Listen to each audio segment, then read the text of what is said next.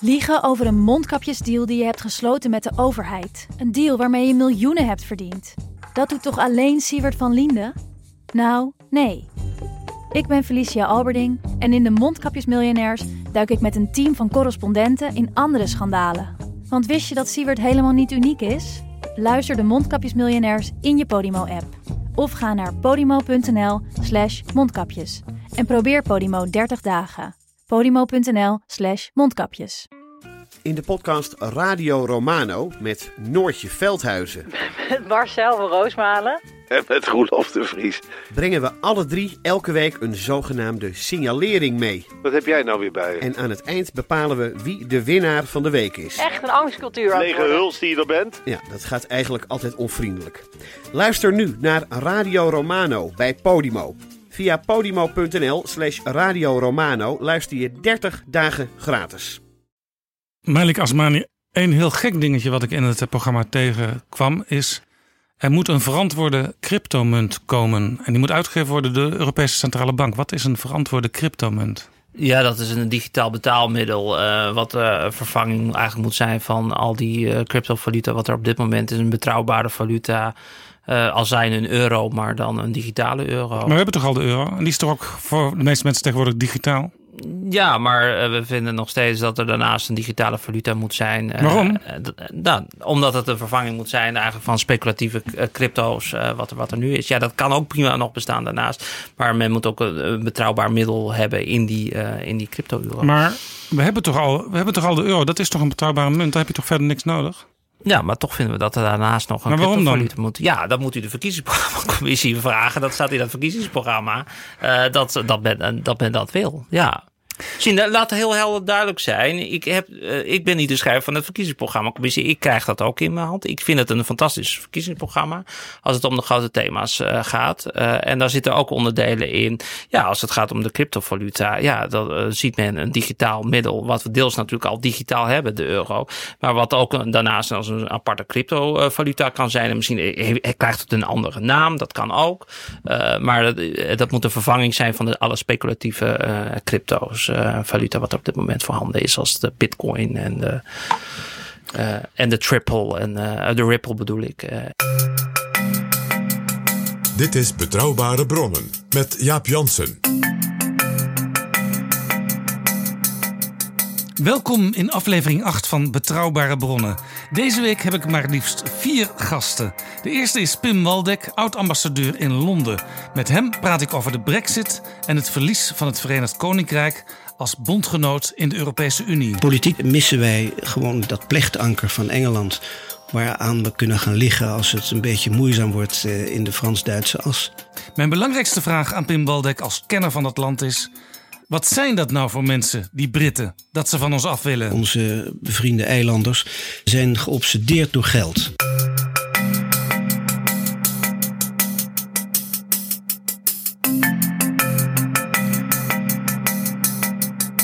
Volgende week bezoeken koning Willem-Alexander en koningin Maxima het Verenigd Koninkrijk. Daarover gaat het in de historische rubriek met mijn vaste gast Pieter Gerrit Kroeger. Vanwege het koninklijke onderwerp neemt PG deze keer een gast mee. Dat is Paul Rem, kunsthistoricus, conservator en woordvoerder op Paleis het Loo. Onder meer komt de vraag aan de orde hoe snel Willem-Alexander aan de overkant van de Noordzee als verfamilielid van de Queen de troon kan bestijgen. Dan moeten er voor die tijd, eh, in heel korte tijd, ongeveer 1155 voorgangers op een smartelijke manier eh, of zijn overleden of zich hebben teruggetrokken.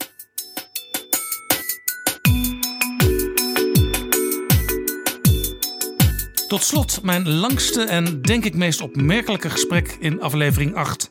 Met de nieuwe lijsttrekker van de VVD voor de verkiezingen van het Europees Parlement, die in mei 2019 plaatsvinden, neem ik zijn conceptprogramma door. Lijsttrekker Malik Asmani is het niet altijd eens met wat er in dat programma staat. Eh, waarom staat er niet gewoon Turkije zal nooit lid worden van de Europese Unie? Ja, dat zou, zou je aan de verkiezingsprogrammacommissie moeten eh, vragen. Wat mij betreft komt Turkije nooit in de Europese Unie. Ik ben gewoon, heel- dat, dat hoort u van mij. Zoals ik erin sta, als, eh, als lijsttrekker voor de Europese verkiezingen. Eh, wat mij betreft komt Turkije nooit eh, in de Europese ik, ik zie dat niet. Dit staat dus nog niet in dat Europese VVD-programma, maar de partij gaat er nog over congresseren. Mag Verhofstadt wat u betreft ook een spitsenkandidaat worden? Nee, nee, want ik, ik heb geen behoefte aan spitsenkandidaten. Daar ben ik heel helder en heel duidelijk in. Ik vind het ook een Brussels dingetje. Uh, ik heb daar helemaal niets mee. Uh, ik vind het een beetje, ja... Nee, Brussels gedoe. Straks een dik uur Asmani over de VVD en Europa. Nogmaals, welkom in aflevering 8. Dit is Betrouwbare Bronnen. Een wekelijkse podcast met betrouwbare bronnen. Welkom bij Betrouwbare Bronnen, Pim Waldek. Ik heb u leren kennen als persvoorlichter van de ministers van Buitenlandse Zaken Hans van Mierlo en Josias van Aartsen. Dat was tijdens de Paarse kabinetten en u werkte met hen van 1994 tot 2000.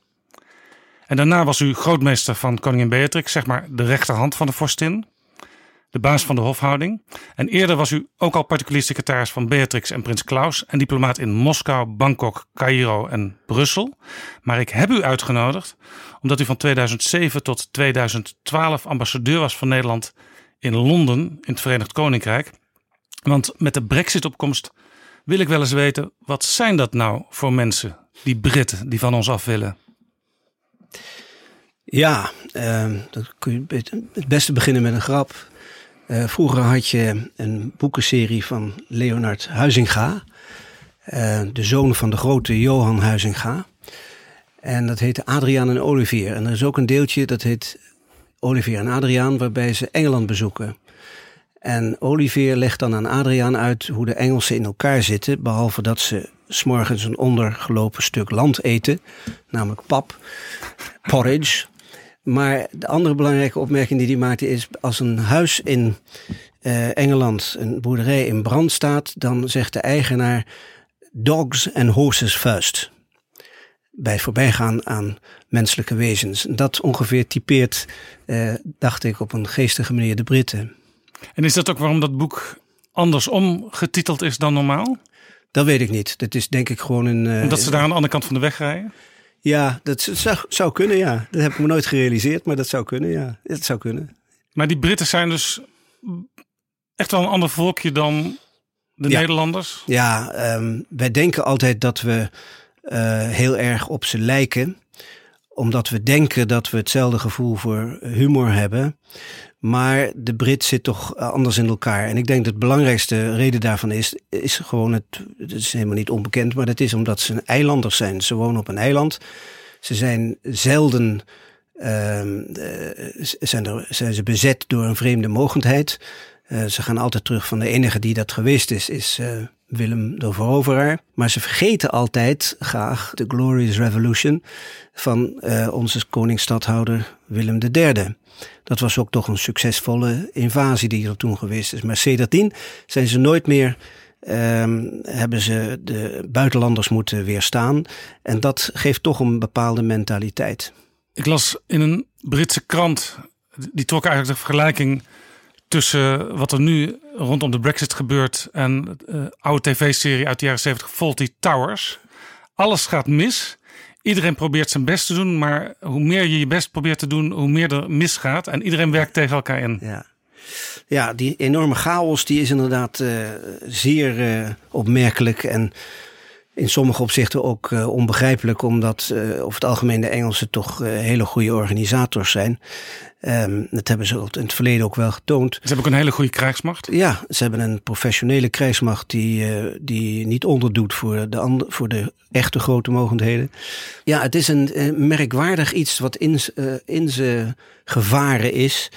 Um, en um, wat hoofdzakelijk uh, gebeurt door een kleine groep, relatief kleine groep leden van één politieke partij, die dus in staat zijn om niet alleen die partij te gijzelen, maar ook het hele land en Europa en misschien zelfs ook de wereld. Dat is de Tory Party, de conservatieven? Ja. Die zijn, uh, daar zit een, eh, een, natuurlijk een, wat je noemt een rechtervleugel.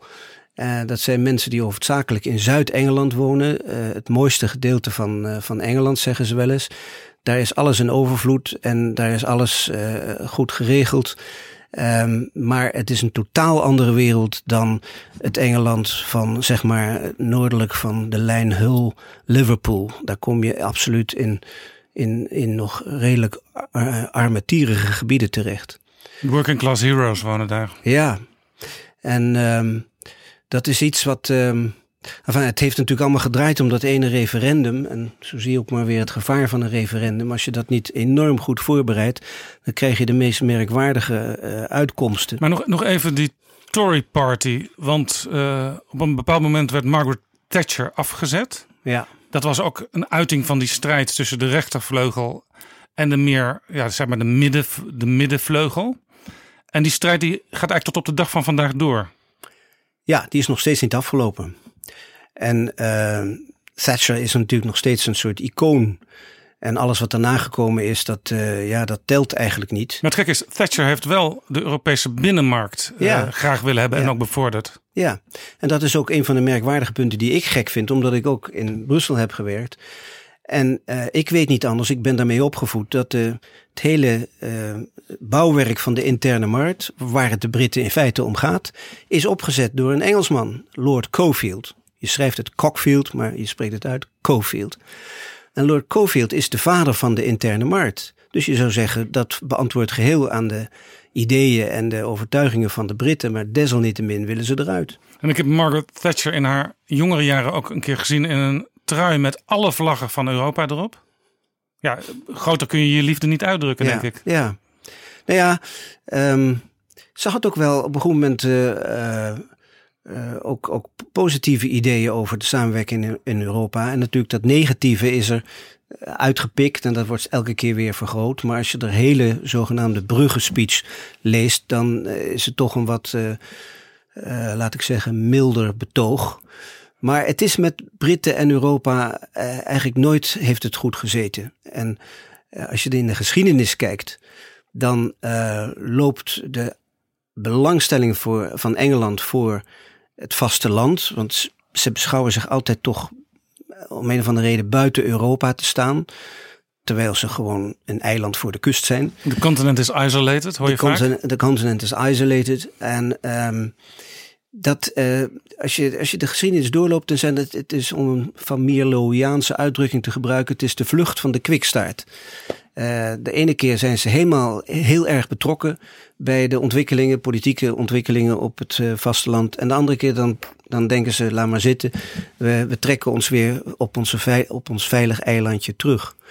En ik denk dat we dus nu in, in, in, zo'n flow zitten naar beneden toe, waarbij de Britten zich terugtrekken vanaf uh, van het vasteland. Um, dat, ja, dat, dat is dan een, een, historische ontwikkeling, maar voor Nederland niet erg gunstig. Hebben ze zich bij dat referendum gerealiseerd wat de gevolgen konden zijn? Ik denk het niet, want um, het begon al heel vroeg, of tijdens de, de regering van David Cameron. Uh, die zat natuurlijk enorm in de knijp om, vanwege die, die euro-sceptici. Uh, ja, hij moest zijn partij bijeenhouden. Ja, hij moest zijn partij bijeenhouden. En elke keer net zoals... En UKIP kwam natuurlijk op nieuwe partij ja, die, die, sowieso afscheiding wilde. Farage. En uh, het was een beetje het verhaal van Dr. Anders P. Hè? Dus de, heen en weer. Heen en weer, heen en weer. En elke keer iets naar buiten gooien om ze tevreden te houden. Maar op een goed moment ja, dat zijn trouwens twee liedjes van Dr. Spee. Heen en weer oh. over de veerpont. Ja. En die andere is uh, Trojka hier, Trojka ja, daar. Trojka en dan wordt Sonja eruit gegooid omdat precies. de wolven dan weer even rustig zijn. Ja, precies. Die bedoel ik. En um, dat is... Um, op een moment was Cameron, had hij ze echt in een hoek ge, ge, geschilderd.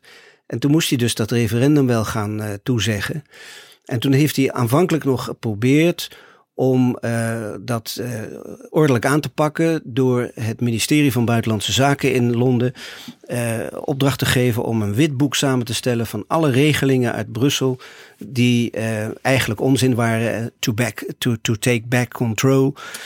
zoals de kreet luidde. Daar stonden dingen in waar Nederland het eigenlijk ook wel mee eens was. Die konden ja, ook wel wat minder ja. volgens Nederland. Um, dat, is een, ja, dat is nog een ander verhaal. Maar wat ik wilde zeggen is dat dat moest dus het ministerie van Buitenlandse Zaken opstellen.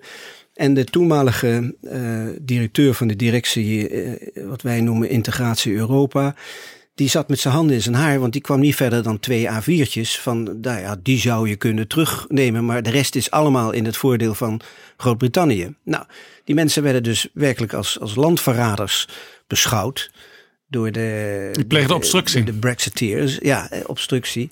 En dat is ook een van de redenen geweest waarom na de uitkomst van het Brexit het een hele tijd duurde voordat Engeland eindelijk begon met zijn, met zijn uh, zijn, zijn orde op zaken te stellen van, of voor hun onderhandelingen. Ze moesten eerst allemaal nieuwe mensen aantrekken, omdat ze de oude mensen niet vertrouwden. Die, die beschouwden ze allemaal als, uh, ja, als, als landverraders, als overlopers. Dus voor die onderhandelingen onder leiding van Barnier, die dat vanuit Brussel doet, en waar natuurlijk de, de hoogst gekwalificeerde Europa-deskundigen werken, kwamen nu allemaal ja, jonkies of in ieder geval ondeskundige mensen aan de andere kant. Noviten. Uh, en uh, dat, heeft, dat heeft enorm veel vertraging opgeleverd aan de kant van Engeland.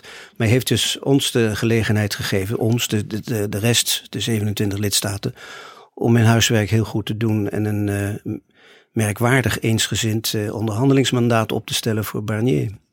En nu zie je dat er uh, om de havenklap Europese toppen zijn, ook deze week weer. Waarin toch geprobeerd wordt nader tot elkaar te komen. Maar de angst voor een, een harde brexit, zoals ze dat noemen. Hè? In één keer gaan alle stekkers eruit. Ja. En je weet niet wat er gebeurt. Uh, die angst is nog steeds niet geweken. Nee, en die zal ook blijven. Het is een optie.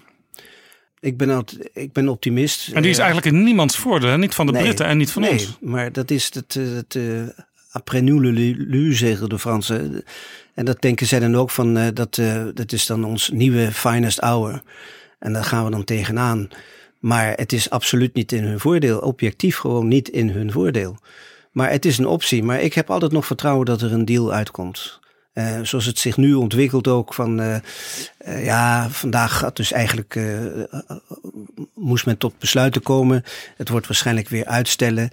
Ehm, dan wordt de klok stilgezet en, en dat soort dingen. Dit is typisch de, de, Brusselse gewoontes. Het, het, leidt tot een enorme crisis en dan is er een big bang en dan komt men er toch wel weer uit. Dus dat is wat ik hoop op basis van mijn uh, ervaringen in Brussel. Maar de optie van een harde brexit is zonder meer aanwezig. Is dat eigenlijk ook typisch Brits? Je ziet Theresa May, de prime minister, zie je eigenlijk een rol spelen. Want zij moet nu dingen verdedigen waar ze oorspronkelijk helemaal niet achter stond. Want zij was eigenlijk meer voor blijven in de Europese Unie persoonlijk. Uh, je ziet mensen als Boris Johnson, Nigel Farage, die nu langzaamaan wel toegeven dat ze het volk een aantal dingen hebben voorgespiegeld die helemaal niet kloppen. Kortom, die Britten spelen ook vaak een rol en niet altijd de rol die ze uiteindelijk zelf zouden hebben gekozen. Nee, maar dat komt geloof ik ook uh, omdat het referendum uh, in de tijd uh, dat, dat, een referendum is iets onbrits. Je hebt het parlement en het parlement is vertegenwoordigt het volk. En daar worden de beslissingen genomen. Ja, het parlement is zo eigenlijk heilig in Britse ogen. Ja, nog heiliger dan heilig dan in andere landen. Maar daar gaan ze dus een referendum houden. En het werd eigenlijk misschien door um, het electoraat gezien als een mooie gelegenheid om eens even af te rekenen met het establishment, het politieke establishment, met het, uh, met het economische establishment, het commerciële establishment. Het is trouwens een sentiment wat je overal in Europa ja, wel ziet, hè? Ja, precies. En met Londen, want Londen is natuurlijk een soort uh, vetvlek in de soep. Uh, daar, Londen is niet Engeland meer. Daar wonen Londen al die is, elitaire globalisten. Precies. En uh, daarbuiten wordt het heel snel wordt het, uh, veel minder. En, Londen, de Londense burgemeester maakte ook de grap meteen uit het referendum. Misschien willen wij wel afscheiden van het Verenigd Koninkrijk. Ja, en ja. rechtstreeks in de Europese Unie zitten. Ja, nou ja, precies. Net als de Schotten. Ja, dat is. Londen is een, is een, is een internationale metropool. Uh, en ik moet erbij zeggen dat de Engelsen ook niet moeten klagen. Want alle Engelsen die nog huisjes hadden in Londen, die hebben al die huisjes voor goed geld verkocht aan de buitenlanders. Aan de, alles die wat kwam werken in, in Londen. En dan zitten ze te klagen dat ze niet meer in Londen kunnen wonen omdat de prijzen zo hoog zijn. Ja, kijk, het is uh, kiezen of delen. Ja. Uh, maar uh, het punt wat ik eerder maakte, ma maakt mij veel meer zorgen, is dat dus die, dat, die, uh, dat verschil, die kloof tussen het rijke Londen en het relatief arme platteland, um, dat, dat neemt enorm toe. En dat wordt dus afgeschoven op die immigratie van de Polen. Maar ik vraag me ook altijd af of de Pool niet, um, zeg maar, de metafoor is voor die duizenden miljoenen uh, of, of, miljoenen uh, uh, vrienden uit, uit het voormalige Benebest, die ook allemaal naar Engeland geïmmigreerd zijn. En ook baantjes gevonden hebben die de Britten zelf niet meer willen. willen ja, want doen. dat geldt natuurlijk niet alleen voor Polen, ook Indiërs en zo die daar aan het werk Ja. zijn. En die, die uiteindelijk wat langer geleden ook van buiten komen. Ja, Indiërs, Pakistani, een heleboel Afrikanen, mensen uit West-Indië, de Caribische eh, gebied of eh, het Stille Oceaangebied. Noem ze Zou het gevolg dan van Brexit ook kunnen zijn dat de tegenstellingen binnen Groot-Brittannië ook uh, groter worden? Ja. Het, het, het Want ze hebben geen, geen externe vijand meer. Nee, precies. En nu kunnen ze alles afschuiven op die, op die Oost-Europeanen. Uh, en dat is er dan niet meer. Nou, en dan zullen ze moeten erkennen dat het probleem toch uh, ja, een beetje anders ligt. Het is. Ehm, het andere probleem, of, of, het idee is van, uh, luister eens, wij zijn soeverein en we willen niet door een vreemde mogendheid worden gedomineerd. Er zit altijd nog een beetje de, is mijn gevoel het idee van uh, die Duitsers. Uh, die hebben goddorie de oorlog verloren en ze hebben het nou voor het zeggen. Ja, don't mention the war. Ja, don't mention the war. Uh, dat, is, dat speelt ook erg mee. Het, het, het, je kunt zeggen van de Britten wat ze willen, maar ze hebben een enorm ontwikkeld historisch besef. Aan de ene kant is dat heel nuttig, aan de andere kant is dat die beide oorlogen, de Eerste en de Tweede Wereldoorlog, die leven nog ongelooflijk uh, in, de, in, de, in de Britse maatschappij. Ja, de, de Eerste Wereldoorlog, 100 jaar geleden, wordt nog elk jaar uitgebreid herdacht. Ja. En, en het is ook waar dat de Engelsen enorme offers hebben gebracht in die beide oorlogen. En als we alleen, al, of, alleen maar over de laatste oorlog spreken, ze zijn er weliswaar als, als, als overwinnaar uit de voorschijn gekomen, maar het heeft ze niets opgeleverd. En ze zijn eigenlijk aan de kant gezet door de, andere, door de nieuwe grote supermachten. Ja, en de Fransen wilden natuurlijk oorspronkelijk de Britten ook helemaal niet erbij in Europa. Nee, en uh, dat hebben ze een beetje zelf uh, zo, hoe noem je dat, het is een eigen schuld een beetje. Er is een boek ooit geschreven door de journalist van The Guardian, Hugo Young. Hij is helaas overleden. Het heet This Blessed Plot. En het gaat over Groot-Brittannië en Europa na de Tweede Wereldoorlog. En als je dat boek leest, het is 500 bladzijden, dan is de conclusie: het wordt nooit wat. Het is. Het heeft ook te maken, denk ik, met het feit dat wij op het vasteland, uh, zeg maar, het Napoleontische uh, rechtssysteem hebben. Het Franse rechtssysteem. En het rechtssysteem in Engeland is helemaal anders. En dat zit er zo diep in, de common law, dat, ehm, ja, dat, dat botst voortdurend. En dat moet dat, dat, dat werkt niet en dat accepteren ze niet. Ze vinden die, die, die, we hebben het zelf voor het zeggen. Uh, aan de andere kant zeg ik dan weer, ja, jullie zijn altijd zo voor level playing field en fair play en, en, en dat soort dingen. Maar ik heb af en toe ook wel eens een beetje het idee, ja, het is fair play en level playing field, zolang het naar de zin van de Britten is. Als het niet naar de zin van de Britten is, dan deugt er geen, geen bal van. En dan zijn ze, dan, dan zijn ze heel recalcitrant.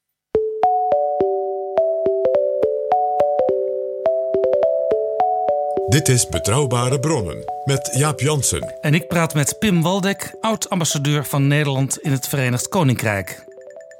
Als ik de verschillende hoofdsteden van Europa uh, afloop, dan is Den Haag misschien wel de stad, uh, Nederland misschien wel het land, wat het nog het ergst vindt dat die Britten vertrekken. Nou ja, de Ieren ook hoor. ja, natuurlijk, uiteraard de Ieren, want dat, dat is het grote probleem natuurlijk ook nu actueel, ja. die grens. Ja, dat is, kijk, dat is nou een van de grote verworvenheden van de Europese samenwerking.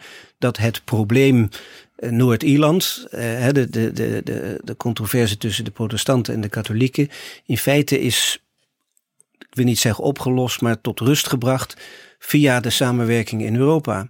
Nou, en dat staat nu op het spel. En ik moet uh, niet hopen dat de troubles weer uit, uitbreken. Is dat ook een van de punten waar ze eigenlijk te weinig bij stil hebben gestaan toen ze dachten wij gaan een referendum houden? Ja, want niemand denkt na over Noord-Ierland. Uh, zeker in Londen niet. Uh, het is wederom, het is het uh, Londen voor en Londen na en de rest interesseert ze niet. Dat hebben ze totaal niet. Ze hebben het gewoon niet overdacht van tevoren. een heleboel jongeren hebben gedacht met het referendum. Ah, dat is gewoon een, grap. die, die rare Johnson en die Farage. ik ga niet stemmen, het is allemaal onzin. Nee. Ja, het zal toch een grote meerderheid zal voor in Europa blijven, dus we hoeven niet te stemmen. Daarom. En, en die jongeren gingen niet stemmen. En toen bleek uiteindelijk, eh, de meeste jongeren waren voor in Europa blijven. Ja. Maar ja, als je niet stemt, dan heb je ook geen, uh, geen invloed. Maar voor ons, voor Nederland, is het een, uh, ik wil niet zeggen een catastrofe, maar is het toch een, uh, een behoorlijk probleem, een ramp. Omdat... Ja, want, want Nederland heeft ook heel erg zijn best gedaan, begin jaren zeventig, om die Britten erbij te krijgen. Hè? Dat heeft ook historische redenen. Uh, kijk, laten we wel wezen, de, de Brit of de Frans-Duitse samenwerking in Europa is natuurlijk cruciaal voor de vrede en stabiliteit in Europa. Laten we daar enorm uh, zuinig op zijn. Maar um, de Duitsers die zijn natuurlijk in, in, vanuit nature ook vrijhandelaren, free traders. Maar die moeten af en toe lief zijn tegen die Fransen om ze erbij te houden en uh, hun, hun. Ja, dus die moeten af en toe compromissen. ook een beetje tegen natuurlijk met de Fransen sluiten. En um, dan kunnen wij brommen van ja, dat moest niet maggen en dat soort dingen. Maar we zijn een kleine lidstaat en we kunnen dat gewicht niet in de schaal leggen. En daarvoor heb je altijd een grote li lidstaat nodig. En het is niet van de laatste tijd, maar het is door onze hele geschiedenis zo geweest. We zitten in die driehoek Berlijn, uh, Parijs, Londen. En je hebt gewoon een grote lidstaat nodig om tegenwicht uh, in het Frans-Duitse krachtenveld uh, te Ja, brengen. dus zelfs als de Britten in de onderhandelingen, toen zij lid waren, vo volledig lid waren, wat aan de extreme kant gingen hangen, dan had Nederland daar voordeel bij. Want dan kon Nederland een beetje in het midden gaan staan. En dan kregen we vaak ook ja. achteraf ons gelijk. Ja, precies. En de, en de Britten die klagen dan over ons dat ze, jullie doen altijd met ons mee, maar als het puntje bij paaltje komt, dan laten jullie ons stikken. Uh, we hebben het altijd over het perfide Albion, maar de Britten vinden ons ook redelijk onbetrouwbaar in dat opzicht hoor. Maar toch, uh, Nederlanders en, en Britten, uh, we zijn allebei toch uiteindelijk een maritiem volk. Ja. En we kunnen elkaar goed hebben. Het is een buurland, dat zien wij beter denk ik dan de Engelsen. De Engelsen die hebben ik was geen flauwe notie waar Nederland ligt. Uh, ver, verwarren je met Denemarken. Uh, maar niettemin, we hebben daar. Het, dus economisch is, dus een, uh, is het naar Duitsland onze belangrijkste exportbestemming geworden. Het was altijd drie, maar ik begrijp dat het nu nummer twee is. En uh, dat gaat dus uh, problemen opleveren in de handel. Nou, de handel is uh, slim genoeg om daar weer een oplossing op een goed moment voor te vinden. Dus, maar niettemin geeft dat in ieder geval een, een, een boel problemen. En politiek, zoals ik zei, missen wij gewoon dat plechtanker van Engeland. Waaraan we kunnen gaan liggen als het een beetje moeizaam wordt in de Frans-Duitse as. Ja, want de, want de Britten zijn dus soms een gek volk, maar voor zover ze nuchter zijn, delen we die eigenschap ja. wel met ja. de Britten. Ik heb, kijk, ze zijn kritisch ten aanzien van wat er in uh, hoe de Brusselse machinerie werkt. Nou, dat zijn wij ook.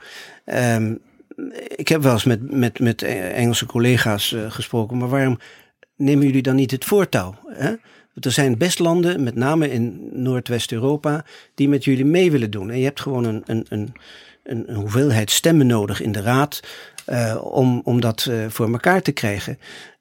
En, en, en begin daar eens over te praten met de Duitsers. Dan kijken ze je aan alsof als kippen naar het onweer kijken. Eigenlijk een beetje als Wopke Hoekstra, de minister van Financiën, nu met noordelijke landen en oostelijke landen ja. soms overlegt met ja. goedkeuring, uh, zeg maar, rugdekking van Duitsland. Uh, om te voorkomen dat Frankrijk en het zuiden te veel uh, ja. macht krijgen binnen Europa. Ja, ja je moet alles proberen. Um, maar nogmaals, het gaat om uiteindelijk om het stemmengewicht in de, in de raad, in de, uh, in de raad van ministers, voor Europese raad. Uh, en je kunt wel met alle, het wordt wel eens een beetje schamper genoemd, de dwergen bij elkaar gaan zitten. Maar dat is niet voldoende. Je hebt een grote lidstaat nodig. We hebben niks aan Italië, we hebben niks aan Polen. Uh, Spanje telt ook niet mee. Je moet een van die drie hebben. En voor ons, naar ons gevoel en karakter, zijn dan de Britten toch de eerst aangesprokenen.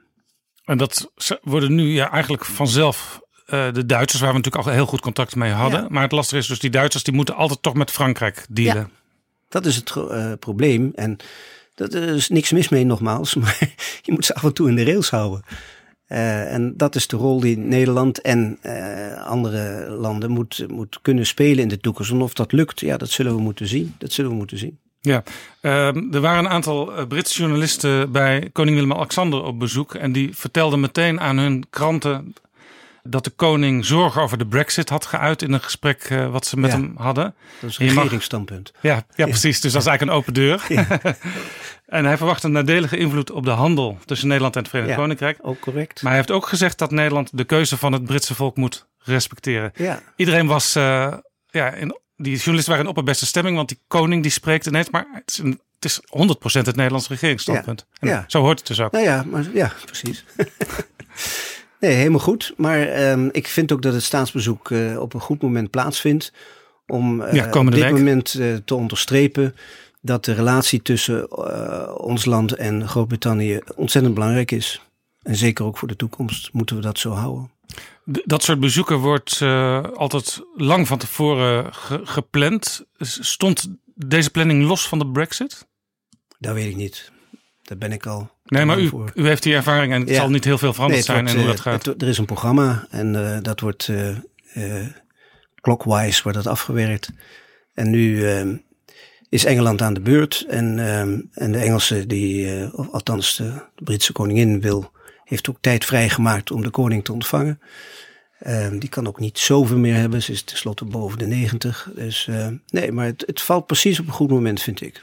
Ja, als de Nederlandse koning zorgen uit over de Brexit, is het dan spiegelbeeldig ook zo dat de Britse queen voor de Brexit is? I don't know, dat weet ik niet. Want zij laat zich daar niet over uit. Nee, zij laat zich uh, wat dat betreft hebben wij een ander koningschap dan de, dan de Britten. Uh, de Britse koningin zegt eigenlijk nooit wat over of ze iets voor of tegen is. Dat, uh, dat laat ze altijd wijselijk in het midden. Maar dat komt ook omdat het systeem ook iets anders is dan bij ons. Ja, hoewel een aantal dingen ook wel weer op elkaar lijken. Bijvoorbeeld ja. Prinsjesdag hebben zij eigenlijk in zekere zin ook met dezelfde symbolen. Ja, maar dat is het vieren van de democratie.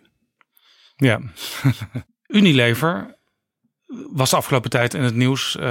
En onze premier die had ook een plan om de dividendbelasting af te schaffen. Wat in het voordeel van aandeelhouders, sommige aandeelhouders van Unilever zou zijn.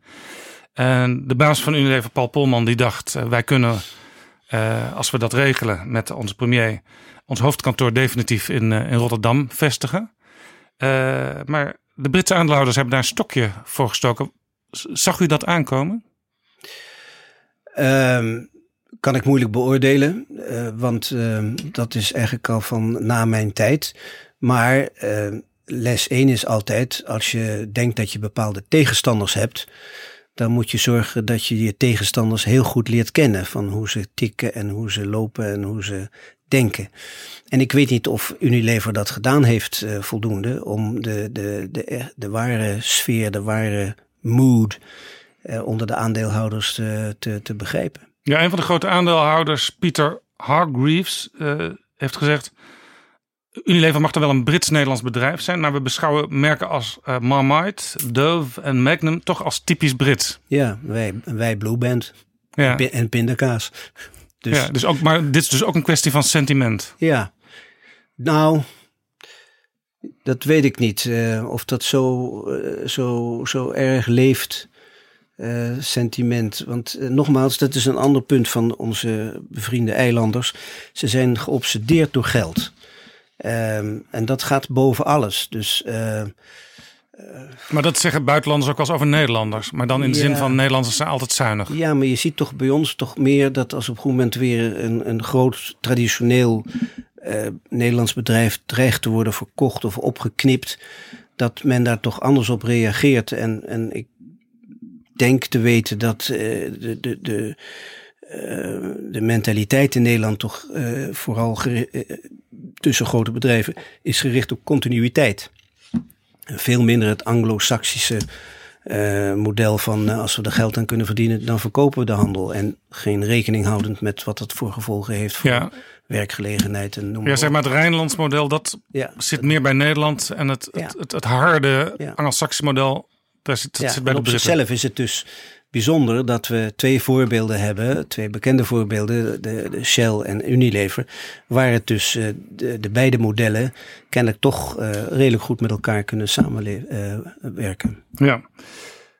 U heeft een, een boek geschreven, een jaar geleden verscheen dat, een biografie van Maarten van der Goes van Dirksland. Dat was de, zou je kunnen zeggen, de eerste Nederlandse minister van Buitenlandse Zaken. Hij leefde van 1751 tot 1826. Dat was in de Frans-Bataafse tijd dat hij minister was. U bent ook op hem gepromoveerd. En een van uw conclusies is dat de Nederlandse buitenlandse politiek vrijwel altijd in het teken staat van handel drijven. En vaak ook van afzijdigheid. Hè? Als je het over de honderden jaren bekijkt. Dat handel drijven en die afzijdigheid, dat is dus, dus ook waar we het eigenlijk nu, als we over die Britten praten, het over hebben. Ja, ja kijk, um, Nederland heeft geen, eh, om een eenvoudig voorbeeld te geven, Nederland heeft geen belangrijke grondstoffen behalve de gasbel in Groningen. Die bijna op is? Die bijna op is. wij zijn een land wat ontstaan is door, uh, vanwege het drijven van handel. Dat is onze raison d'être, om een deftig Frans woord te gebruiken.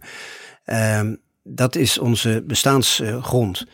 En uh, die handel die, uh, die willen wij drijven in, uh, in zo gunstig mogelijke omstandigheden van vrede en stabiliteit. En wanneer bestaat die omstandigheid als je je zo neutraal, afzijdig mogelijk opstelt? Dus niet te hard roepen, keurig in de rij staan, ja, wacht op je beurt. Ja, en, en, en, en vrienden zijn met iedereen in de wereld. Maar af en toe kijk, we hebben dus enorm veel voordeel van de handel. Uh, we leveren ervan, maar dan moeten we ook de. Dus we hebben de lusten, maar we moeten ook de lasten willen dragen om die vrije handel te beschermen. En dat betekent dat je af en toe toch ook een beetje machtspolitiek moet uh, bedrijven. Dat is een duur woord, maar je hoeft niet machtsonmiddellijk uh, in geweld om te zetten. Maar je kunt daarmee schermen om bepaalde dingen te helpen ehm, bereiken. Dus je moet het zwaard af en toe ook gebruiken? Het zwaard moet er in ieder geval zijn. Of je het uit de schede trekt is vraag 2, maar het moet er in ieder geval zijn. En daar zijn we niet erg sterk in. We willen altijd wel uh, op de eerste rij zitten, uh, voor een dubbeltje graag, op de eerste rang. Maar als het puntje bij paaltje komt, dan willen we nog wel eens uh, af laten weten. Ja, het zijn natuurlijk ook vaak pacifistische perioden geweest ja, in de Nederlandse dat is ook, zit er ook typisch in, de moral high ground. En dat strijdt natuurlijk met, het, met het, de commerciële aanpak van van onze buitenlandse politiek. Maar als je gewoon kijkt naar de geschiedenis, is dat toch gewoon bepalend van hoe wij in de, in de wereld staan. En die handelspolitiek die kwam in de Bataafs-Franse tijd enorm in de knijp te zitten. En zodanig dat uh, het land, uh, dat het maar zeer de vraag was of we in 1813, 1814 nog als een onafhankelijk land zouden terugkeren. Uh, maar ook daar speelde weer, wat ik te straks zei, die, die driehoek Londen, Parijs en Berlijn. En daar moeten we altijd precies in het midden van die driehoek zien te zitten. Dus de ene keer naar die en de andere keer naar die. En nogmaals, heb je de Britten toch nodig. Ja. Nederland wil dus traditioneel graag samenwerken met iedereen en met alle landen. Uh, dus ook met dictators. Ja. Ik stel de vraag omdat nu natuurlijk actueel is Saudi-Arabië. Ja. Ja, uh, je, je, zou bijna zeggen slanswijs, slans eer. Uh, nou ja, maar, we, kijk, iemand kunnen, in stukken zagen ja, in, ja, ja, consulaat. Goed, dat, uh, dat, dat, men zegt dat nee, dat, doen alsof je het men niet zegt had dat geweten. Dus, dat dat gebeurd is, maar ik ben ook te veel jurist om uh, te zeggen van luister eens even, iemand is pas schuldig als het bewezen wordt. Hoe moeilijk het ook is. de jurist en de diplomaat. Ja, dat is, dat is heel moeilijk, maar um, ja... Uh, dictaturen bestaan. En uh, we moeten niet uh, ook wederom gaan denken dat wij in ons eentje die situatie in de wereld zullen veranderen. Dat is gewoon niet zo. maar je moet precies voor elke dictatuur weer een, een, een, nieuwe diagnose stellen. En zeggen tot hoe ver kunnen we gaan en tot hoe ver willen we gaan. En wanneer houden we ermee op. Maar um, het, het verbieden van handel op een land waar toevallig een dictatuur heerst dat gaat heel ver en daar, uh, daar komt uh, het hele parlement bij kijken. Nederland moet uh, bereid zijn het zwaard te dragen en misschien af en toe uit de schede te trekken, zegt u. Volgens minister Ank Bijleveld is Nederland in oorlog met Rusland. Een cyberoorlog ja. spreekt zij over. Klopt dat? Nou ja, wat ik, mee, wat ik meekrijg in de, in de media is dat, in, verbaast het me niet, laat ik het zo zeggen. Um, maar en het geeft ook aan dat um, uh, dat oorlog voeren een hele andere uh, connotatie heeft gekregen. Vroeger dachten we dan aan bommen en granaten. Maar dat is dus niet meer zo. Het gaat allemaal via eh, internet en, en, en de, en de IT-technologie. En dat is een, een, zeer verontrustende ontwikkeling waar we ons goed op moeten, moeten voorbereiden. Dus het kan best zijn dat onze krijgsmacht in de toekomst meer een IT-krijgsmacht is dan dat het een bommen- en granaten krijgsmacht is. Maar, uh, en in zekere zin ook nog wel misschien enger en gevaarlijker dan de Koude Oorlog zoals we ja. die heel lang kenden. Want dat was tamelijk tastbaar. Je had af en toe ja. ook al een paar spionnen. Maar nu, nu kunnen spionnen ja, ook in je telefoon zitten, bij wijze van spreken. Een kanon of raket moet je op een moment afschieten en dan heb je de poppen aan het dansen. Maar het is, het is, dat is het linken van deze technologie. Dat je dus allerlei dingen kunt uitspoken die uh, nauwelijks merkbaar zijn. En uh, ja, het zal niet verbazen dat ik altijd een voorstander ben van uh, dat we ons defensiebudget uh, goed op peil houden. Ja, want u was als, als jong maatje ook uh, tolk-vertaler. Hè? U werkte bij de Marine Inlichtingendienst. de tijd van de Koude Oorlog was Rus dat. Russisch was uw taal. Ja. Denkt u daar nog wel eens aan terug als u nu die, dat nieuws steeds ziet over wat Rusland aan het uitspoken is in Europa? Ja, het is ehm, in, in sommige opzichten is het herkenbaar, ja. Toen waren het communisten, nu zijn het weer Russen, maar het blijft Russisch in feite. Ehm, en dan moet je, dan moet je eh, goed uh, alert op blijven. Uh, Russen zijn aardige jongens. Het heeft een fantastische cultuur. Ze hebben ons in Europa heel veel gegeven aan muziek en toneel en literatuur en noem alles maar op. Maar ja, ze hebben ook een hele rauwe, rauwe kant. En die moeten we vooral goed in de, in de smiezen blijven houden. Nog even over de Britten. Ze gaan nu uit de Europese Unie. Komen ze ooit nog terug? Dat is in een hele grote, dikke kristallen bol kijken. Ik denk voorlopig niet. Het is, het is te ver gegaan. Uh, ze gaan eruit. Uh, dat is voor, uh, zeker. of ze ooit nog terugkomen. de tijd zal het leren, dat is een bekende kreet. Maar ze moeten eerst waarschijnlijk door die catharsis heen. Van het in, op zichzelf willen doen in deze grote wereld. En, en zien hoe dat verloopt. Um, Kijk, ze hebben één, dit is iets wat men altijd onderschat. Maar de Engelse taal heeft natuurlijk wel de wereld veroverd. En het feit dat dat zo is, is ook al een. een, een, een dat geeft een machtsmiddel, macht in de ruime zin. Nou, van het, het, het gekke is, als je nu in de Europese Unie kijkt in, in, Brussel en Straatsburg, je hoort eigenlijk meer Engels dan Precies, welke taal. Want dat vroeger hoorde je nog heel vaak Ja. Frans. Ja. Maar de Britten vertrekken en Engels is de voertaal Ja, geworden. Dat, dat is precies het geval. Dat wilde ook wel uitkomen. Dat heb ik wel eens tegen mijn Engelse collega's gezegd. Ze zeiden, "Re- realiseren jullie dat er in Brussel tegenwoordig Engels wordt gesproken? Dan kijken ze ook weer, god ja, dat hebben we ons helemaal niet gerealiseerd. Ja, dat heb je dan toch maar bereikt. Dus, ehm. En dat is toch eh, een, een, een, een, een bindmiddel, een verbindingsmiddel, eh, wat heel positief is. Eh, en verder zullen ze zich natuurlijk hand en tand eh, volhouden dat het, systeem van de Verenigde Naties niet mocht worden veranderd van de Veiligheidsraad om hun zetel in de Veiligheidsraad veilig te stellen. En daarmee houden ze ook een belangrijke positie op het, op het wereldtoneel. Ehm, ja, dat zijn zo'n beetje de, de, de, de, de red lines. Ze praten altijd graag over red lines. Eh, en verder zullen we zien hoe het met de, met de handel gaat. De- uiteindelijk zijn het, ehm, zijn het ook handelaren. Eh, en eh, de handel herstelt zich altijd wel weer. Dus ehm, we moeten het zien. Ik, ik kan daar geen zinnig woord over zeggen of ze ooit terugkomen.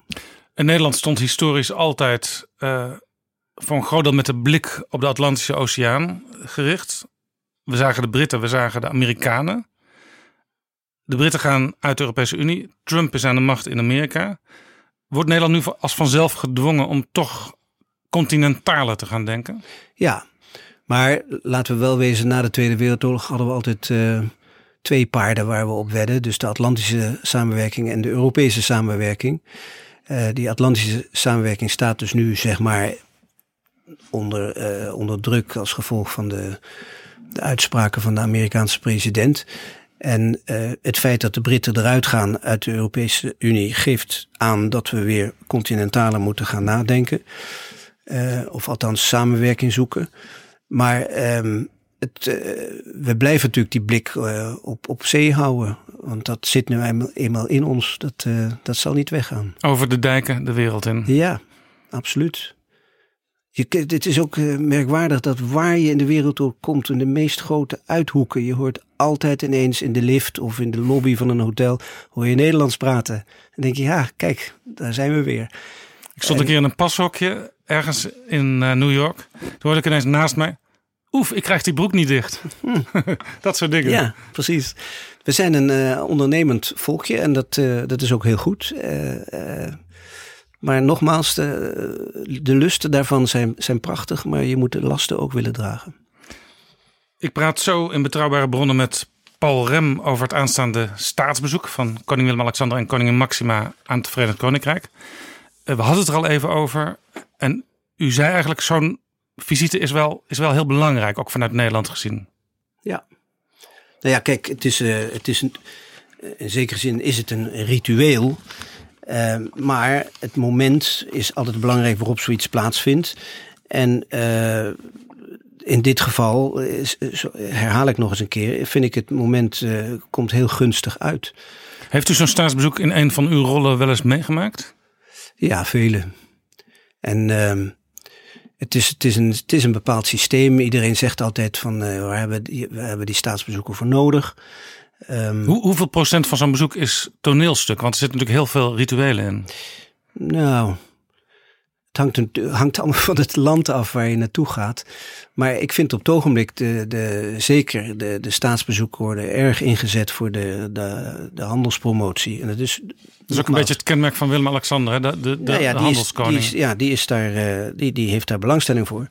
Um, maar het is ook, nogmaals, het is, het is ons bestaansgrond. Dus uh, we hebben een staatshoofd om dat, die bestaansgrond uh, te pushen, te stimuleren. En dat kan ook met, met staatsbezoeken. Want je moet niet onderschatten hoe geweldig het vinden in, in, in landen, in verre landen, om een hand te mogen geven aan een echte koning.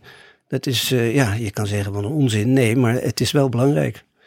Een foto van Japan van een Japanner met de keizer is, is, is een unicum. En een foto van, van een Japanner met een koning, die kan die krijgen en die zet hij zijn leven lang op zijn bureau.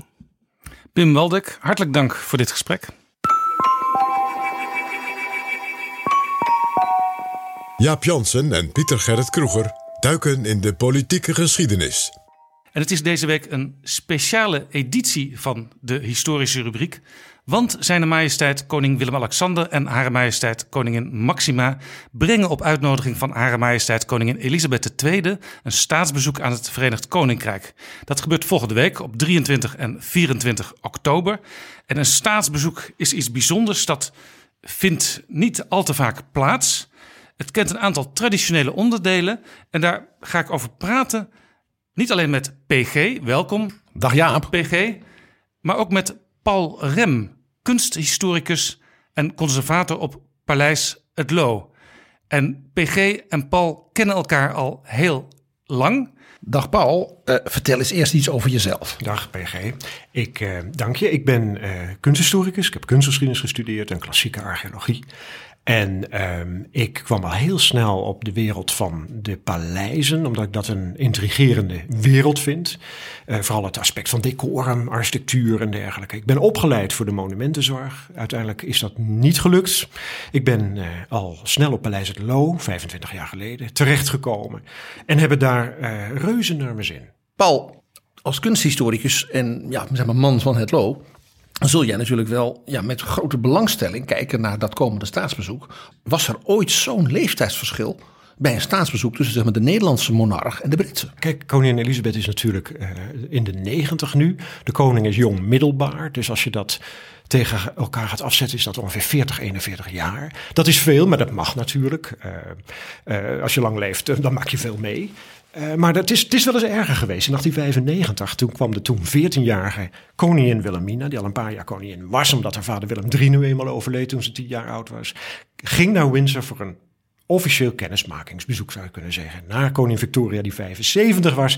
Nou, dat maakt 61. En, en dat is natuurlijk ook wel bijzonder. Dat is ook heel erg uitgevent in de internationale propaganda. Een foto van gemaakt, gefotoshopt, want er was geen fotograaf bij. En met de oudste en de jongste monarch bij elkaar. Nou, dat is natuurlijk ook geweldig. Wat was toen haar moeder, de regentes, koningin Emma, was mee? Die was erbij, hè, de, de, de regentes van het koninkrijk. Maar dat deed zij uit naam van Wilhelmina. En het was belangrijk dat zij haar dochter, die toch uh, een jaar of vijf, later, uh, vijf jaar later inguldig zou worden, staatsrechtelijk meerderjarig, kennis zou maken met een zo belangrijke politieke figuur als Victoria. En dat is natuurlijk dat is de verbinding nu ook met een zeer ervaren vorstin. Uh, met ook een zeer eigen karakter. Wat net als Victoria heeft Elisabeth dat ook. En natuurlijk een jonge vorst. Ja, die als het ware in zijn eerste jaren als het zijn rol aan het verkennen is. Jazeker, het is geloof ik het, het 116e of het 113e inkomende staatsbezoek van koningin Elisabeth. We moeten ook niet vergeten dat uh, de koning ook niet stil heeft gezeten. En ik geloof dat dit al zijn vijftiende uitgaande staatsbezoek is. En dan Engeland, dat is, dat is logisch. Dat is je buurland aan de andere kant van de plas. Uh, maar er is natuurlijk al een kennismakingsbezoek geweest vlak na de inhuldiging in 2013. Toen koningin Maxima met van die blote armen uh, Windsor Castle werd, uh, werd ontvangen. Dat gebeurt altijd, hè? Een kennismakingsbezoek bij de meest nabije uh, Ja, je, je, gaat eerst, je gaat eerst je vrienden af. En dat zijn je omringende landen, want je bent beschaafde partner van, van elkaars grens. En dus dan ga je eerst nou ja, je geloofsbrieven een beetje aanbieden. Van, ik, ik hoor nu ook in, in de rang die jij ook hebt. En dat gebeurde toen ook. En natuurlijk in 2015 toen het koninklijk paar bij Remembrance Day, hè, de, de dodenherdenking van Engeland, aanwezig was. Dus er zijn natuurlijk altijd wel contacten, ook officiële. Maar dit is een staatsbezoek. En een staatsbezoek is het, is het hoogste, de hoogste vorm van bezoek tussen landen? Ja, dat is het hoogste bezoek omdat de koning niet daar eh, als Willem-Alexander van Oranje-Nassau van Amsberg enzovoort daar is. Maar hij is als onze vertegenwoordiger. Het is de ene natie ontmoet de ander in de persoon van deze figuren die het ambt dragen. En, en omdat de regering natuurlijk verantwoordelijk is voor de daden van de koning, reist minister Blok ook met dit staatsbezoek weer mee? Er gaan wel eens meerdere ministers mee. Dat is al naar gelang de situatie. Er is natuurlijk uh, het een en ander te doen tussen beide landen nu als we even aan Brexit denken. Maar dat wordt natuurlijk ook los van dit bezoek wordt dat opgelost met, met gesprekken. Dus de premier blijft hier. Minister Blok gaat mee. Mevrouw Kaag gaat dus niet mee voor bijvoorbeeld de handelsbetrekkingen met de Britten? Nee, die kennelijk dus in orde zijn. En, normaal is het zo dat een koning uh, pleegt uh, deuren te openen uh, die, die, die voor anderen gesloten blijven. Dus er is meestal ook een ferme handelsmissie mee. Ik heb daar niet zo'n zicht op of dat dit nu is. Dit is heel ceremonieel. Heeft dat ook te maken met zeg maar, de status van Queen Elizabeth als toch wel de, zeg maar, de, ja, de monarchen der monarchen op dit moment in de wereld?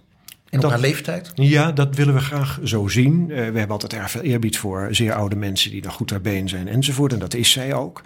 Aan de andere kant, uh, de Oranjes uh, mogen er ook uh, zijn, om zo maar te zeggen. om niet te zeggen, koning Willem-Alexander komt daar als een van de pretendenten van de Britse troon. Ja, want hij is dus familie. En hoeveel mensen moeten afzien van de troon, wil Willem-Alexander de troon Als beklimmen? over een paar dagen de koning daar komt en als koning van Engeland of van het Verenigd Koninkrijk komen, dan moeten er voor die tijd, in heel korte tijd, ongeveer 1155 voorgangers op een smartelijke manier eh, of zijn overleden of zich hebben teruggetrokken. Het, het verschilt wel eens dan de, de ene plaats dan de andere plaats, want er overlijdt er ook wel één. Absoluut. Maar uh, ja, de koning, dat kan natuurlijk. Dat kan. Hij, kan, hij kan koning worden. Een terugtrekken is in principe niet netjes. Dus de kans dat hij koning van Engeland wordt, is niet heel groot. Is vrij klein.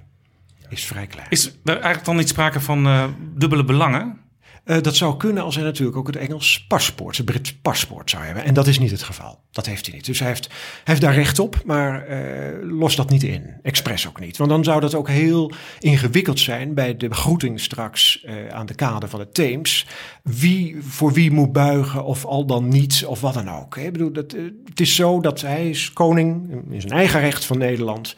En, en de koningin van Engeland van het Verenigd Koninkrijk. Ik heb wel eens, ik heb wel eens het gerucht gehoord dat Beatrix ook een Brits paspoort zou hebben.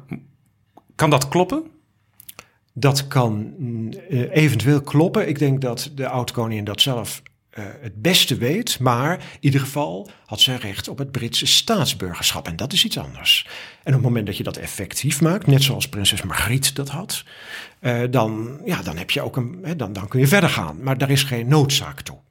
En dat komt voort uit de oorlogstijd of uit nee, dat familie? Komt, nee, nee, nee, dat want, komt heel ver weg. Want onze prins Willem III werd natuurlijk koning van Engeland. Toevallig ook nog eens als Willem III. Maar Mary, Willem en Mary werden, waren kinderloos. En ja, Willem denkt, er moet wel een protestantse vorst op de Britse troon komen. En wij hebben niks meer in huis. En toen heeft hij zitten nadenken. En avond aan avond op Hampton Court de stamboom zitten bekijken. En ha, in Hannover was er nog een uh, Sophia Dorothea, uh, hertogin weduwe, uh, keurvorstin protestants en werkelijk met kinderen en dergelijke. En die is toen aangewezen, die tak. En later kwam daar een wet kort daarna dat haar nakomelingen ook in uh, aanmerking kwamen voor de Britse troon.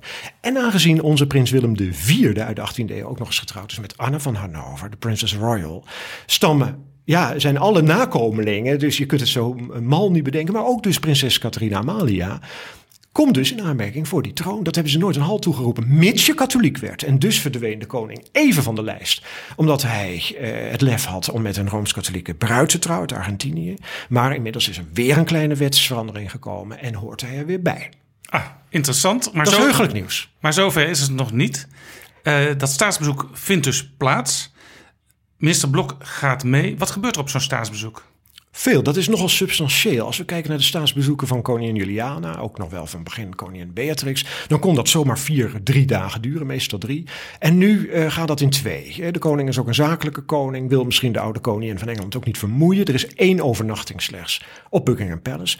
En ceremonieel speelt een hele belangrijke rol. Dat is niet van, dat is geen Sousa en Poeha waar je niks aan hebt. Dat is franje en laten we ter zaak uh, komen. Nee, het is het constant erkennen en elkaar bevestigen in elkaars goede relatie. Het is het roken van de vredespijp. Uh, je wordt er misselijk van, maar het is wel nodig. Want daarna heb je dat je weer goed met elkaar door één deur kan. Ja, want er zitten een aantal zichtbare elementen in. Het begint altijd met een... Uh militair welkomstceremonieel? Dat is heel breed gezegd. Inderdaad, er is een, soort van erewacht, een militaire erewacht. Maar dat kan op de binnenplaats van de Buckingham Palace worden. Het is november en de koningin kan het koud krijgen, de oude koningin. Dus dat hangt ook een klein beetje af waar de saluutschoten of de koning met het vliegtuig arriveert. Of uh, met een panzerkruiser de Theems bevaart, zoals in uh, 1982 koningin Beatrix. Dat zijn, dat zijn de ingrediënten. Maar er is altijd natuurlijk het uitwisselen van geschenken. Heel belangrijk is dat, de cadeaus. dat klinkt uh, triviaal. Waarom, maar zijn, waarom is dat zo belangrijk? Dat is elkaar aardig vinden en de intentie uh, uitspreken dat je elkaar het beste gunt van je eigen land.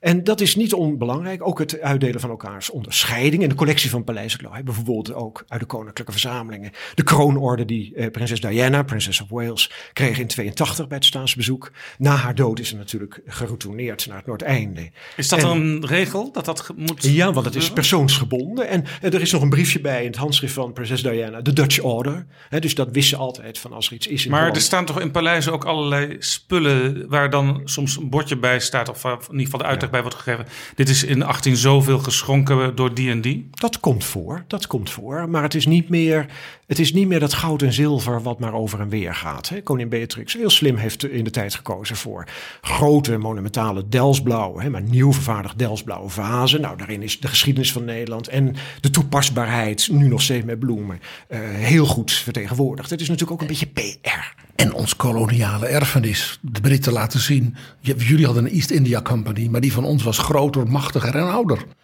Daarom zeg ik dat het staatsbezoek best een glorious state visit zou kunnen worden. Wat we ook zien is um, de kranslegging bij een monument voor de gevallenen.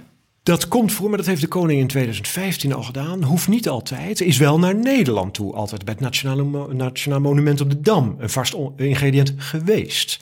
Uh, dat kan allemaal wel verschillen. Maar er is natuurlijk het staatsbanket wat heel belangrijk is. Dat is die vredespijp. Wanneer uh, de, de rockkostuums, de, de uniformen, de gala jurken en de diademen... met, met alle onderscheidingen naar uh, afstand hoe je zit... hiërarchie, pri privileges, protocol, etiketten. Heel belangrijk. Wie is wie en waarom? Maxima zal daar, neem ik aan, niet een jurk die ze al vaker gedragen heeft tentoonstellen, maar met iets moois en iets nieuws komen. Het is, ook, het is ook je presenteren van jezelf. En als je een land bent dat voor duurzaamheid gaat, want daar hebben we het alweer. Hè, duurzaamheid is heel belangrijk tegenwoordig. Dus absoluut zal er ook een onbarmhartig stadskwartier dat in opkomst is bezocht worden vanwege het contact en de, hè, de doop van de vorst in de menigte en dergelijke. Dat zijn allemaal ingrediënten die heel belangrijk zijn. Maar dat staatsbanket, daar vinden ook altijd toespraken plaats. Ja. En daar zullen ongetwijfeld woorden klinken als onze goede banden.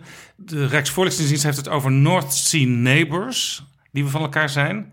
Uh, gedeelde waarden in verleden, heden en toekomst. Dat zijn allemaal van die, van die termen die in zo'n. Ze lijken bijna platitudes, bijna clichés, maar uh, in een clichés daar zit altijd een kern van waarheid in. En die dingen, besloten met een heildronk, die moeten erin. Dat is het ceremoniële.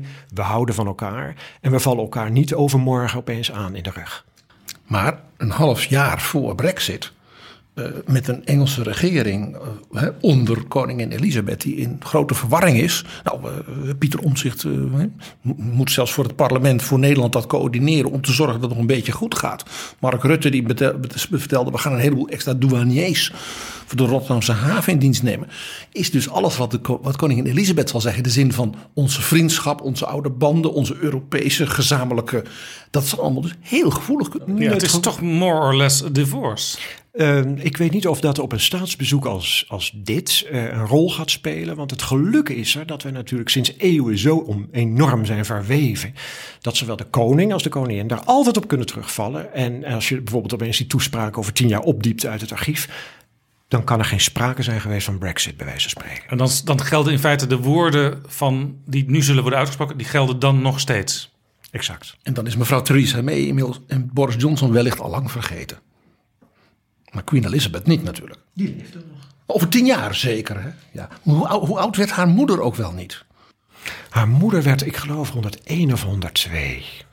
Een soort Piet de Jong van, van, van ons. Ja, ze had ook ongeveer dat postuur, hè? ja, ja de, de, huidige koningin ook. Eh, koningin Elisabeth II.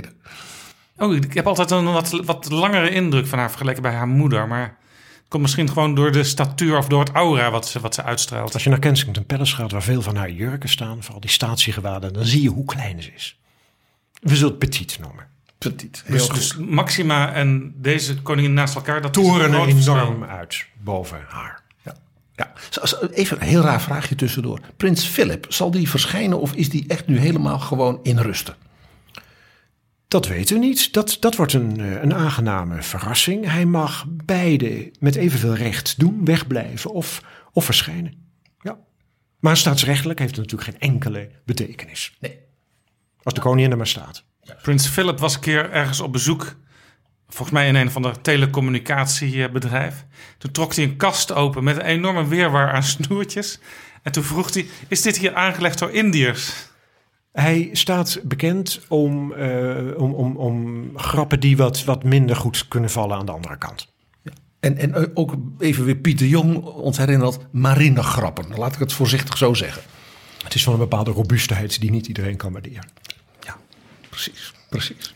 Uh, even, jij had het al even over de man uh, met wie natuurlijk iets heel bijzonders in de historie ontstond tussen Nederland en Engeland, namelijk prins Willem III en zijn vrouw Mary Stuart. Ja. De prinses. Ja. we hebben het dan over uh, de koning-stadhouder. Van 1650 tot, tot 1702 leefde die. Ja. Niet te verwarren met uh, koning Willem III die we later zouden zien. Ja. Uh, maar dit was dus de man die ook aan de overzijde van het kanaal de troon besteeg. En dat is precies 330 jaar geleden. Dat was 1688. En dat was met een staatsgreep. De Glorious Revolution. Dat was een staatsgreep, hè? Laat het eerlijk zijn. Nou, het zit tegen het landverraad aan. Kijk. Eh, omdat eh, natuurlijk de, de echtgenote van Willem III, Mary, was de dochter, de oudste dochter, de Princess Royal van Jacobus II, die dus de troon af moest. En dat werd ook wel tijd. Dat was ook wel goed dat hij Ja, want. Jacobus II was katholiek. Die, en... de- die werd katholiek, terwijl het land nou net in evenwicht was met een, een, een zware protestantse meerderheid. Maar dat is niet zo erg. Maar het feit dat eh, Frankrijk zeer rooms-katholiek is. Hè, de zonnekoning, Lodewijk XIV, le roi très chrétien, de zeer christelijke koning, de voorvechter van het geloof, heeft dan natuurlijk in 1672 in ons rampjaar onze grenzen overschreden. Eh, en, eh, en, en, en ja, eh, dan, dan krijg je Engeland die ook die kanten op gaat. Dat is niet prettig voor de republiek. Ook in Engeland is dat niet prettig. En, onze Willem III is uitgenodigd om Willem, of Jacobus II de- te verslaan, te, te, ja, weg te werken. En hij is glorious omdat er niet zoveel bloed vergoten is, want meestal rollen er nog wel eens wat, wat koppen. Maar Jacobus II is in de gelegenheid gesteld door de koning-stadhouder om naar Frankrijk te gaan, naar zijn vriendje, Lodewijk XIV. Dus het was een, een fluwele revolutie, Fluwele zou je kunnen revolutie. zeggen. Ja. Hoe- even heel raar. Hoe, hoe ga je nou naar de vorst van een ander land, die daar bovendien in een republiek dus niet koning is, en zegt van, zou u de boedel hier willen overnemen? Was dat een wet van het parlement? Was het een geheime brief in code? Hoe ging dat? Eh, Het waren, eh, in- het waren intelligente politici die bij elkaar kwamen, een stuk of 12, 13, en die zeiden van dit gaat mis, we moeten nu ingrijpen en we moeten Willem derde vragen. En waarom? Omdat er ook al een Willem II was die met een andere Mary Stuart was getrouwd. We hebben een hele duidelijke relatie met Engeland. Als de wind goed staat, dan zijn we eerder vanuit Dordrecht op de Theems dan dat we naar Parijs gaan, eh, bij wijze van spreken. Dus Engeland kan opeens heel dichtbij zijn. Ehm, we hebben natuurlijk een, een handelsverleden, we hebben een, een, politieke verleden, ook in de tijd van uh, prins Willem I en de rol van koningin Elisabeth I. Dus er is, er, uh, wij zijn vrienden van elkaar. Ja, als, ik over, als ik over Brexit praat met mijn gasten in Betrouwbare Bronnen, dan heb ik het ook altijd over de cultuurverwantschap die er is tussen de Nederlanders en de Britten. Maar dat is zelfs ik zou bijna zeggen, om met Stef Blok te spreken, zeker zin ook genetisch bepaald. Dat zit in ons DNA. Daar, we trekken naar elkaar toe. En brandt in 1666 Londen af, dan, dan uh, alle stoelenmakers uit Holland vertrekken om te helpen. En waardoor het nu voor mij als kunsthistoricus onmogelijk is om te zeggen welke Engelse stoel Hollands is en welke Hollandse stoel Engels. Los daarvan, het is een, het is een belangrijke eenheid. En uh, ja, daarmee heeft Willem III en Mary, want het is de eerste duobaan in de geschiedenis, dat is heel belangrijk, dat ze regeerden in een hun, vanuit hun eigen positie, als Willem III daarna naar de Republiek ging, omdat hij hier tenslotte stadhouder van de belangrijkste gewesten was, regeerde Mary gewoon door. Dat was niet de regentes bij afwezigheid van de koning. Ze waren allebei heerser en heerseres, zou je kunnen zeggen. En daarmee heeft hij een heel mooi balans geschapen uh, tussen ja, het noorden, het protestantse noorden, met die coalitie van Duitse vorsten, met Engeland, definitief nu protestants, Anglikaans, protestants, tegen het, het katholieke oprukkende Frankrijk. En uh, dat is een slim plan geweest. Hij moet in eigen land constant opboksen, Willem III. Of hij geld mag krijgen, omdat hij natuurlijk legeraanvoerder is van het staatse leger. mag ik geld voor soldaten, voor een kanon? Mag ik dan in, in hemelsnaam een, een, een, wat buskruid? Nou, dat kon allemaal maar niet, want de oorlog dat is naar en vervelend. Maar, en duur. En vooral duur. Maar Frankrijk heeft een, een snel, groot leger dat constant dreigt aan te vallen. Dus zijn enige uh, uh, belang was de bescherming van de, van de grenzen van de republiek. En dat kon hij uiteindelijk doen door koning van Engeland worden. Niet dat hij erkend werd door Lodewijk XIV als zodanig, maar hij was het toch mooi. En hij was als zoon van Willem II, dus voor de helft zelf een steward. Exact, hij was dus een steward. Dus als hij kinderloos overlijdt, kijkt hij ook in die familie van stewards of daar toch nog niet een Duits nichtje is van weliswaar op leeftijd, maar toch protestants en met kinderen. En in dat huis Stuart vindt hij toch weer een troonopvolger, zou je kunnen zeggen. En hij is dus de man van jouw paleis, het Ja, mijn paleis. En wat zo aardig is, is dat daar dus een streek is, de Veluwe, waar niemand kwam, wilde en wat dan ook. En wat een tempel van Diana is. Hè, in het fronton geen wapen, geen wapentuig, geen kronen, geen monogrammen, maar de buste van Diana. Het is dus een afgelegen plek waar de en koning... De, de godin Diana, niet de prinses. De godin Diana, de godin van de jacht. Hij wilde zeggen, dit is mijn jachthuis. Hier doe ik gewoon mijn eigen dingetjes. Ik jaag wat, ik drink chocola enzovoort. Maar ondertussen was dat de afgelegen plek waar de spionnen van Lodewijk XIV niet kon komen. Geen idee van dat daar allerlei dingen gebeurden. Dat hij vanuit zijn privékabinet op het Lo de Glorious Revolution zat voor te bereiden. Waar zijn eigen spionnen hem kwam vertellen wat ze hebben gehoord. Waar hij diplomaten, Duitse keurvorsten ontving. Want Duitsland is dan opeens dichtbij. Uh, dat was een geheime plek onder het mom van jagen, bloemen schikken en Delsblauwe vazen. Maar wacht even. Want we hebben gezien dat spionnen, die kunnen gewoon tegenwoordig een autootje naast het gebouw zetten wat ze willen bespioneren. En dan zetten ze een antennetje op en dan gaan ze kijken wat ze allemaal vangen. Had niet gewoon uh, Lodewijk XIV de uh, jachtopzieners, bij wijze van spreken, kunnen sturen die daar een beetje rond of omkopen. Of omkopen. omkopen. Dat uh, kan. Dat is natuurlijk ook bijna gebeurd, omdat er een paar gelukkig mislukte aanslagen op de koningsstadhouder zijn gepleegd. Juist ook in dit genre. Dat is natuurlijk eeuwen oud. Hè? Zorgen dat je een soort intimus krijgt in de kring van en dan toeslaan. Uh, dat, dat natuurlijk heeft Lodewijk XIV dat gewild uh, en, en ook gedaan. Uh, maar uiteindelijk heeft de koningsstadhouder zich omgeven met een klein hof. met een, een hele wendbare, accurate Zwitserse garde en een andere lijfgarde. Waardoor hij toch redelijk uh, veilig bleef. En was dan de, uiteindelijk de Glorious Revolution toen die plaatsvond ook een verrassing voor Lodewijk XIV? Ja, dat is niet iets wat je wil. Even een Zwitserse garde, net als de paus. Maar de paus, dat zijn natuurlijk hele streng katholieke jongens. Hè, het Appenzell en Wallis en zo. Waar kwamen die neem ik aan, protestanten uh, Zwitserse garde Zwitserland, vandaan? Zwitserland is een uh, gemêleerd land. En uh, als je het even kon bekostigen als vorstelijk hof in Europa, dan had je gewoon een Zwitserse garde. En zelfs Willem V op de 18e eeuw heeft nog, eind van de 18e eeuw, nog een Zwitserse garde. Dat waren betrouwbare huurlingen, zou je kunnen zeggen. Je kocht die uh, veiligheidsservice. Maar was het was, dan zo... was echt bodyguards dus. Hè? Het waren bodyguards. kun je zeggen dat in die tijd het eigen volk niet te vertrouwen was? Nee, dat is niet zo. Maar de dienstplicht bijvoorbeeld, dat is een heel modern gegeven. Dat je eigen jongens van je eigen volk vechten voor je eigen land. Dat is heel 19e eeuws gedacht. Als je oorlog wilde voeren, nou, dan sprak je dat af. Welke datum doen we? Waar komen we samen? Eh, hoeveel legers hebben we? Oh, ik kom nog iets tekort. Nou, laat ik nog even kijken of we nog niet een Duits regiment ergens kunnen huren. Voor geld kan alles. Dat was de manier waarop je oorlog voerde. En pas later krijg je een idee dat je zelf wil beschermd worden door je eigen jongens. En dat is een vrucht van, notabene, de Franse revolutie. Hè, Dat heet de levée en masse. Dat de massa van het volk oprees om de buitenlandse huurlingen eh, te verslaan. Ja, maar dan kom je al heel erg in de natievorming en de gedachte dat je een land hebt met een eigen taal, een eigen vlag, een eigen kroon, een eigen nationale dracht.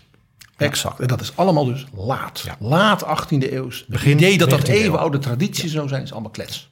Even voor de helderheid, hè? want ik denk dat mensen, als ze dit verhaal voor het eerst horen, zouden kunnen, eh, zich kunnen afvragen. Die Willem had dus een, een, een baan als koning in Nederland en als koning in het Verenigd Koninkrijk. Dus ook in Schotland, in Wales, Ierland. in Ierland. Ja. Is er nooit overwogen om die twee landen gewoon tot een unie te maken? Nee, ik denk het niet. Eh, je zou wel kunnen zeggen dat wat Willem en Mary hebben gedaan is het begin van de Europese Unie. Eh, maar eh, je, denkt, je denkt vanuit je streek en vanuit je privileges als vorst en je rechten als vorst. Ehm, dat, is dus, dat is dus nooit gebeurd. Karel de Grote, Philips II, die hebben wel allemaal landen bij elkaar gevoegd. Ja, maar je ziet ook dat dat niet altijd goed afloopt. En wat, wat, wat Willem III dus zag, is dat de Franse koning dat dus ook wilde. Maar daar krijg je niet altijd iets goeds voor terug. Hè. Het heeft ook vaak met wa- machtswellust en uitbuiting en eh, beknotten op je vrijheden te maken. En de republiek, om het eh, zo maar eens even te zeggen. Willem III was geen koning van Nederland. Hij was natuurlijk stadhouder. De staatshoofd van de republiek waren de Staten-Generaal. Nou, dat is geen bal aan. Dat zijn dertien zwart geklede mannen met witte befjes. Dus in zekere zin was de makke van Willem in Nederland dat het al te democratisch was op dat moment. We zijn natuurlijk een, la- een land als republiek met stadsrepubliekjes en ieder zijn eigen privileges die je niet afgeeft. Dus uitermate moeilijk te regeren, maar wel een land om trots op te zijn, om te bevechten, de vrijheden te bevechten. Eh, dat heeft ook enorm veel rijkdom gebracht. Die Wa- waren die Britten dan onderdaniger naar hun vorst? Eh, ja, in die zin dat de vorstenpolitiek, dat was veel meer een persoonlijke vorstenpolitiek. En dat is het hele bijzondere wat Willem III ook dus in Engeland heeft gedaan. En daarom denk ik dat het niet slecht is te stellen. Ik gooi hem er gewoon in. Dat Willem III aan de wieg staat van het moderne Engeland. In zijn verhouding tot het parlement.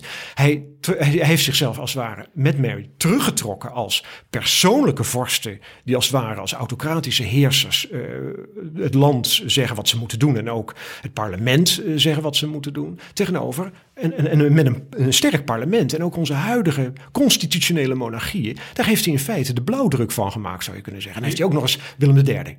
Je zou dus kunnen zeggen dat hij ook een stukje Nederlandse cultuur daar heeft overgebracht naar de andere kant van het kanaal. Zonder meer. Eigenlijk werd Engeland een beetje meer republiek zoals onze republiek. En werd Nederland, want het had nu voor het eerst een prins, een stadhouder.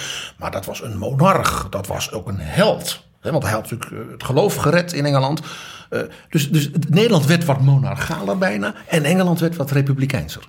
Ja, zo denk, ik denk dat je dat zo mag stellen. En uiteindelijk is het ook de basis geweest van het latere British Empire, de huidige gemene best van het Verenigd Koninkrijk. Eh, dat moeten we niet onderschatten. Ik, ik ga zelfs zo ver dat het moderne Engeland is ontworpen in het privékabinet van Willem III op het Loo. En, da- en als jij daar dan als conservator daar rondloopt, dan denk jij: The Empire, it's me.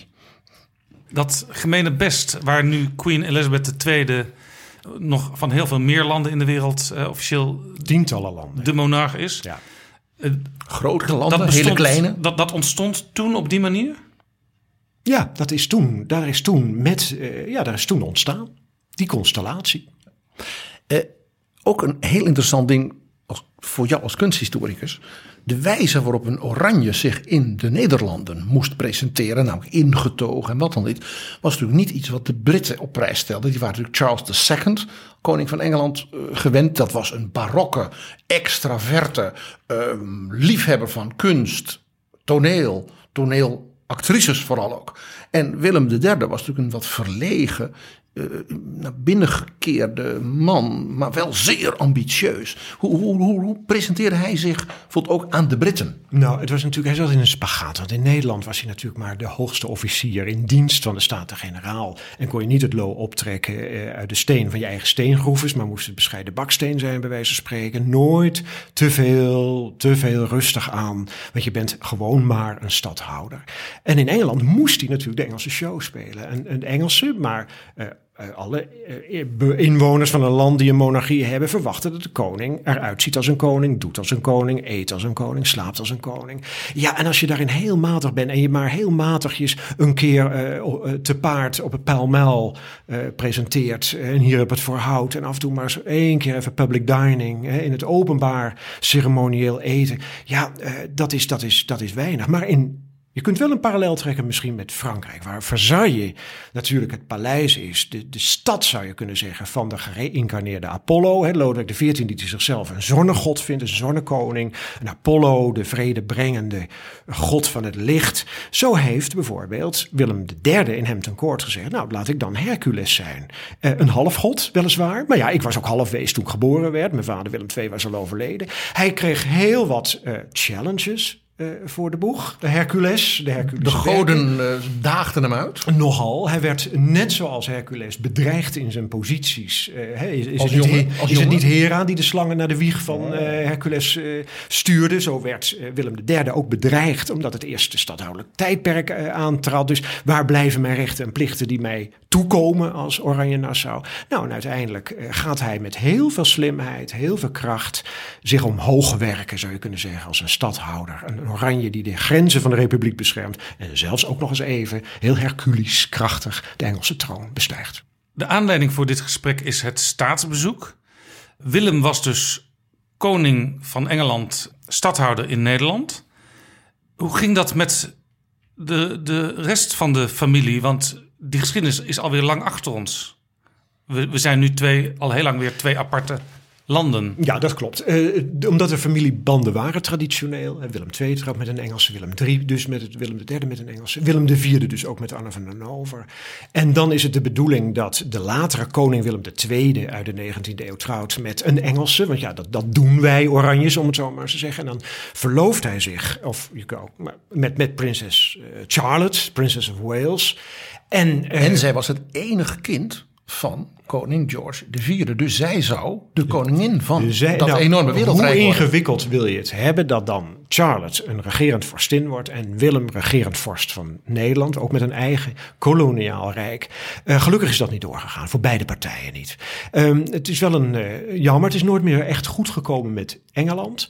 Ook niet uh, door de Eerste Wereldoorlog en onze neutraliteit, die ons zeer uh, is aangerekend, ook door de Engelsen. Zeker ook omdat wij keizer Wilhelm II hebben opgenomen, die naar Nederland vluchtte. En pas aan het eind van de jaren 30 uh, komt, dat, komt dat weer een beetje goed. En zeker uh, in 1940, toen het gezin van prinses Juliana op Buckingham Palace is ontvangen om, ja, na de vlucht uit Nederland. en ook zelfs prinses Irene is gedoopt in de Music Room in Buckingham Palace. Nou, toen zijn hè, met King George de is dat weer uh, goed gekomen. Ja, dat is natuurlijk over prins, kroonprinses Charlotte ook nog te vertellen. Zij vond dat wil die, jij, hè? Ja, ja dat is zo heerlijk. Zij vond die Willem, toen ze hem eindelijk leerde kennen, maar niks. Een dunne, wat giechelige, uh, niet zo heel volwassen jongens. Hij werd dus door haar vriendinnen Silly Billy genoemd. En ja, toen kwam er uh, Napoleon was verslagen, dus de vroegere staf van Napoleon die kwam ook in Londen. En daar was een Duitse prins bij waarvan Napoleon altijd zei: de mooiste officier in heel mijn leger. Nou, prins uh, Leopold van Saxen-Coburg, hij was echt een, een, een fotomodel. En charmant en sprak ze talen. En Charlotte viel als een blok voor Leopold van Saxen-Coburg. En hij was protestant. En van een zo klein vorstendommetje dat hij, als hij dus haar man zou worden en zij koningin, zou zij, hij haar nooit bedreigen. Wat gebeurt? Ze trouwen. Zij sterft in het kraambed. Hij is dus heel jong weduwnaar. En hij pakt dan Willem niet alleen zijn verloofde af, maar ook nog zijn koninkrijk. Want dat is de Leopold die de Britten naar voren schoven als de koning van België.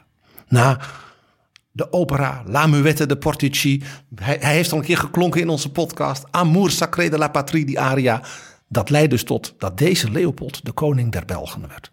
Dit is een podcast om twee keer te beluisteren. Want je moet een enorme stamboom aantekeningen bijhouden. Wil je dit allemaal nog kunnen volgen? Wat ik heel interessant vind in dit verhaal is ook als we het wat down to earth brengen. Op een gegeven moment was dus, zei je, was Napoleon verslagen en zijn personeel ja, had eigenlijk geen werk meer. Dus die gingen uh, elders werk zoeken.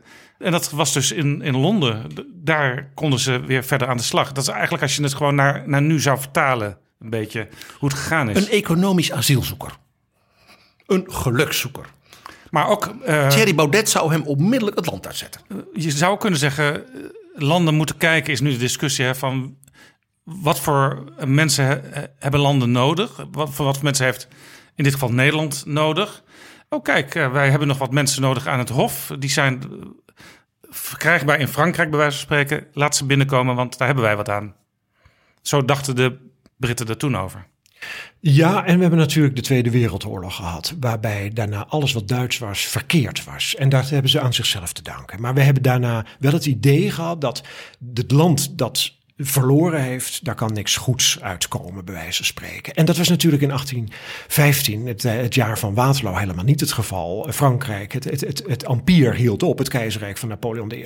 Maar er waren natuurlijk een legioen aan strijdbare, ambitieuze, intelligente, doortastende, handige, ervaren jongens vooral. Ja, eh, daar kun je gebruik van maken. Dat is niet per se de vijand. Hè. Als je nu naar het, het huis gaat van, eh, van Wellington, die, die met Willem II Napoleon heeft verslagen, nou, dat is gewoon één ode aan Napoleon die hij verslagen heeft. Dat was ook wederzijdse bewondering voor elkaar. Ja, met Britten, de Britten, er is zelfs een echte soort Napoleon Society van Britse historici en liefhebbers, die dus echt fans van Napoleon zijn. En waarom? Dat is heel mooi dubbel. Eén, de homo novus, de man uit het niets van Corsica, dus een Italiaans eiland dat toevallig Frans was, hè, geroofd van Genua. En die zich opwerkt uit pure ambitie en genie. Daar houden de Britten wel van. Self-made hero. En we hebben hem wel verslagen. Dus we zijn toch ook nog weer een klein beetje beter. En gekoppeld aan een geweldig klassiek profiel van die man. Ja, hij had natuurlijk iets van een Romeinse keizer. Ja, ja, ja, ja. Paul, gewoon heel eerlijk. Jij bent een groot fan van koningin Elisabeth van Engeland? Nou, Vertel. De wetten van de erfopvolging en een opvoeding die doordrenkt is met plichtsbetrachting en de genade van een lang en gezond leven maken dat er een hele schare fans voor deze vrouw is. Ik ben dat niet. Uh, maar ik vind het wel uh, uh, boeiend. En, en, en monarchie en, en decorum en hoe dat werkt. En hoe zij daar natuurlijk ook een rol in speelt. Dat vind ik wel ongelooflijk uh, boeiend. Ik geloof dat haar zuster Margaret, Prinses Margaret, heeft gezegd dat haar zuster Elisabeth de enige vrouw is die met één hand uh, de, de Britse staatskroon op het hoofd zet. Of een diadeem of wat dan ook. Alsof het business is. Alsof het, van dit is wat wij doen. Zij noemt de monarchie ook de firm, hè? de firma. Het idee alleen al. Maar het is natuurlijk een business. En dus ook uh, met, met landgoederen, met uh, enorme stallen. Ze, ze verdient veel geld met het winnen van paardenraces, net als haar moeder. Ja, dat is natuurlijk iets wat wij moeilijk vinden, omdat wij natuurlijk een eigen uh, geschiedenis hebben met, met, met, met de monarchie. Als we even kijken naar de jaren 60 en 70 en met de, met Lockheed-affaire die toen speelde. En dat, vinden wij, dat vinden wij gevaarlijke onderwerpen. Maar in dit geval, uh, ja, veel van, van de inkomsten zijn, dat zijn privé-inkomsten in het Koninklijk Huis van Engeland. Maar ja, wij hebben hier een koninklijke familie die uh, naar verluid een grote hoeveelheid aandelen van Shell heeft. Kun je ik vergelijken? Zou, ik zou het niet weten. Nee, dat, dat, dat, je weet wat uh, prins, prins Bernhard uh, bij uh, premier Piet de Jong dan klaagt het als dan Der Spiegel weer ondeugende dingen schreef over het fortuin van Oranjes. Mijn vrouw is geen miljardair, hè, mopperde hij dan. Hij heeft zelfs daarover met de hoofddirecteur van Forbes gebeld, die daar om de zoveel tijd een hele lijst van maakte waar Beatrix heel hoog in genoteerd stond. Paul, je had het over de kroonjuwelen van Queen Elizabeth II. Ja, dat, dat is wel opmerkelijk, omdat, uh, kijk, wij zien onze kroonjuwelen, als het goed is, één keer per regering. Dat is namelijk op de credenstafel bij de inhuldiging van een vorst. En dan zie je verguld zilver, een rijksappel, een scepter en een, een, een, beugelkroon met, met sierstenen erin. Maar die kroonjuwelen van uh, Engeland, ja, dat is me een, dat is me een partij. Hè. Dat, is, dat zijn verschillende kronen ook. Uh, de kroon waarmee je gekroond wordt direct naar de zalving. Een kroon die je op hebt als je naar het parlement rijdt om het parlementaire jaar te openen en, en dergelijke. Maar die, die, die documentaire die was opmerkelijk, die is van kort geleden. En dan wordt koningin Elisabeth geconfronteerd met de kroon waarmee ze dus ook gekroond is, de Imperial State Crown. En uh, ja, dan is dat ook weer zoiets alsof ze de gehaktmolen de keuken of zoiets bij de hand heeft. Het is een requisiet uit haar leven. Het is iets wat aan de ene kant een reliquie is, want een kroon is een symbool voor iets. Um, het wordt gezegd dat op het wereldbolletje wat boven op de beugel staat, dat, uh, dat wordt versierd met, met parels. Die uh, heten nog afkomstig te zijn van Elisabeth I, de koningin, de vermaarde koningin, veel verfilmd personage. De Virgin Queen. De Virgin Queen uit de 16e eeuw. Um, het, het, idee alleen al dat zij inderdaad in die documentaire dat, dat, dat ding dan toch pakt. Hè, dat is echt een ding voor haar. En nog eens even tinkelt met haar vinger aan die pampelende parels en dergelijke. En dan, dan zie je dat, dat, dat, dat, dat, dat, dat, dat ze dan één wordt met, met de geschiedenis. Opeens zie je dat er een hand gaat naar de 16e eeuw. En dat er opeens weer een Elisabeth zit. Laten we even luisteren naar The Queen. Fortunately, my father and I have about, the same sort of shaped head.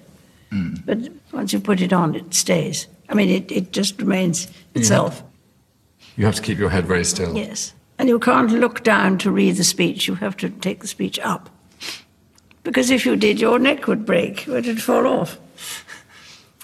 So there are some disadvantages to crowns, but, but otherwise, they're quite important things. Dat was Elisabeth II over haar kroon.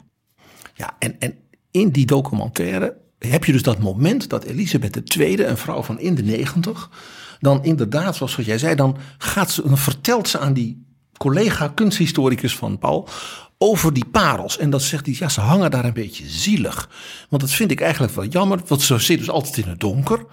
En ze waren toch van uh, Elisabeth I, wat natuurlijk gewoon de, de, de koningin der koningen in de Britse geschiedenis is. En, en dan begint ze te vertellen, parels zijn levende dingen. Want die zijn, dat is gegroeid in een oest. En, dan, op de huid. En, en dan, dan zie jij hoe, dat ze bijna medelijden heeft met die parels die dus ooit ja, in de oorringen hingen van de, nou ja, de vorstin van de Britse geschiedenis. En nu dus in het donker. En dan eens in de 50 jaar of zoiets eruit. En dat hangt dan zo onder dat dingetje. En je ziet dat niet. Ik vond en vond en vind dat een magisch moment. Waarbij dus die twee Elisabeths, die twee unieke vrouwen, bijna in hun ambt. En ook bijna tastend bij elkaar komen. Nog even, want uh, je noemde Paul um, de opening van het parlementaire jaar. Dat gebeurt eigenlijk uh, aan de overkant hetzelfde als uh, in Den Haag. Met een koets, met een troonrede. Wie was daar de eerste mee die dat deed? Nou, dat is natuurlijk een Engelse traditie, zonder meer. En uh, de monarchie van uh, Nederland is natuurlijk een jonge monarchie. Veel uh, stadhoudelijke tradities klinken daarin door, maar een opening van een parlementair jaar hebben wij nooit gehad. sinds wij een koninkrijk zijn en ook een slagvaardig parlement, hebben wij een wat meer zichtbaar Prinsjesdag, zou je kunnen zeggen.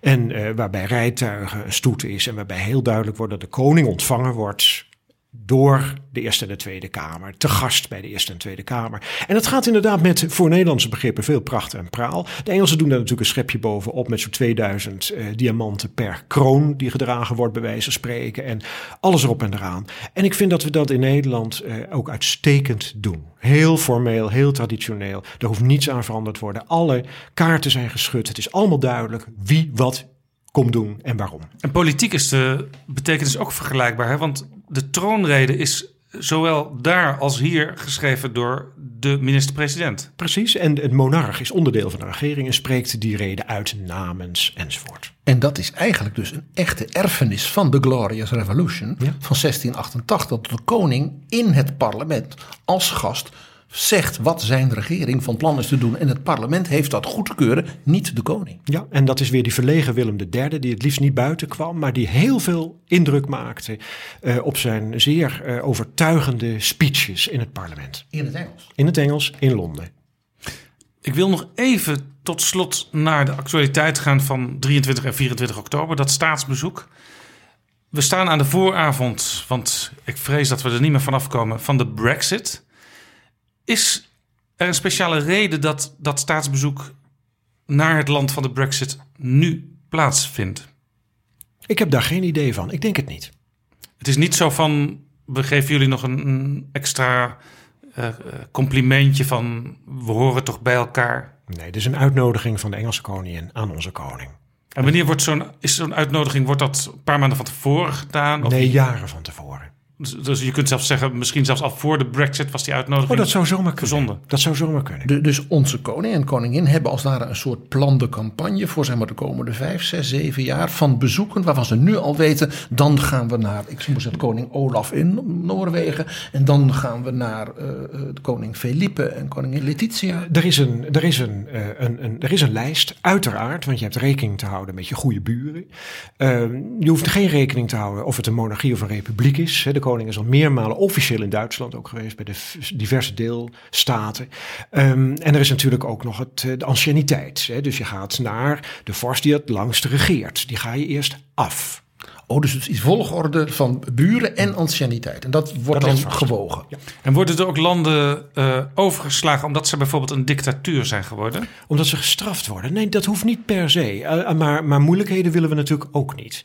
En we kennen allemaal denk ik wel het verhaal van uh, Ceausescu. Die, ja, de, Roemeense, de Roemeense president, die toch, of partijvoorzitter, die toch ja, gezien, gezet tegen de communistische wereld toch wel erg de dialoog wilde met de westerse wereld. Juliana vond hem ook een aardig man. Jazeker. Zeker. En Helena die zette haar beste beentje voort waarschijnlijk. Maar dat, dat, is toch, dat is toch ongemakkelijk. Maar dat is, je kunt niet zeggen waarom je het niet zou doen. En je weet ook dat je ook een ander land ermee helpt. En dit was wel een land dat mogelijk, hè, Roemenië, een complimentje zou hebben mogen verdienen. En een, een, een, inspiratie om vooral door te gaan. Dat is een heerlijk verhaal over Elena Ceausescu en de Queen, Elisabeth.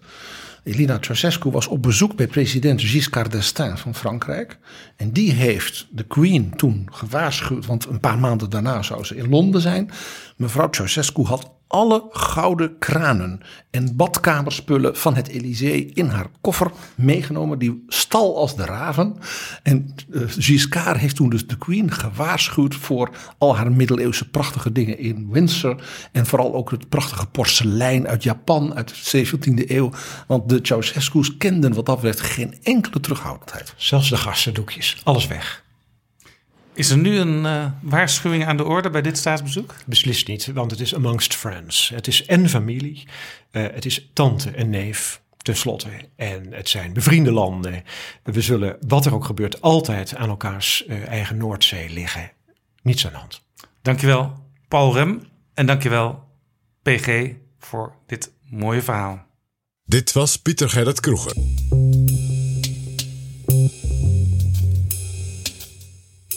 Mijn laatste gast in aflevering 8 van Betrouwbare Bronnen is Malik Asmani. Lijsttrekker van de grootste partij in Nederland, de VVD, bij de Europese parlementsverkiezingen van mei 2019. Dit is Jaap Jansen met Betrouwbare Bronnen. Malik Asmani, welkom in Betrouwbare Bronnen. Dank u wel. Uw vader is Marokkaans, uw moeder is uh, Friesin. Zijn ze trots op u dat u nu lijsttrekker bent? Ja, dat denk ik wel. Uh, al zullen mijn ouders nooit heel uh, direct dat tegen mij zeggen. Ze, ze, zijn niet heel veelvuldig in het uh, complimenten geven. En op zich vind ik dat ook helemaal niet erg. Dus, maar ik weet wel dat ze trots zijn. Ja, dat zullen ze zeker uitspreken naar anderen. Maar u schrijft wel geschiedenis. iemand van Friese en Marokkaanse afkomst. Ja, nou ja, ja er zit niet geen Nederlands bloed in. Ja, natuurlijk ben ik, voel ik me Nederlander. Maar het is inderdaad een, een bijzondere combinatie. Ja, ja. En dat daarmee ook leuk, vind ik zelf. Ja. Niet dat ik zelf leuk ben hoor, maar uh, laat dat ook heel helder duidelijk zijn. Mogen, ja, anderen, mogen anderen beoordelen. Maar uh, ja, er zit zeker wat Friese, Friese elementen in en wat Marokkaanse elementen in. Uh, maar ik ben gewoon geboren getogen Nederlander, zo, zie ik, zo voelt dat. Ik vind u nu al leuk. Oh, nou, dank je.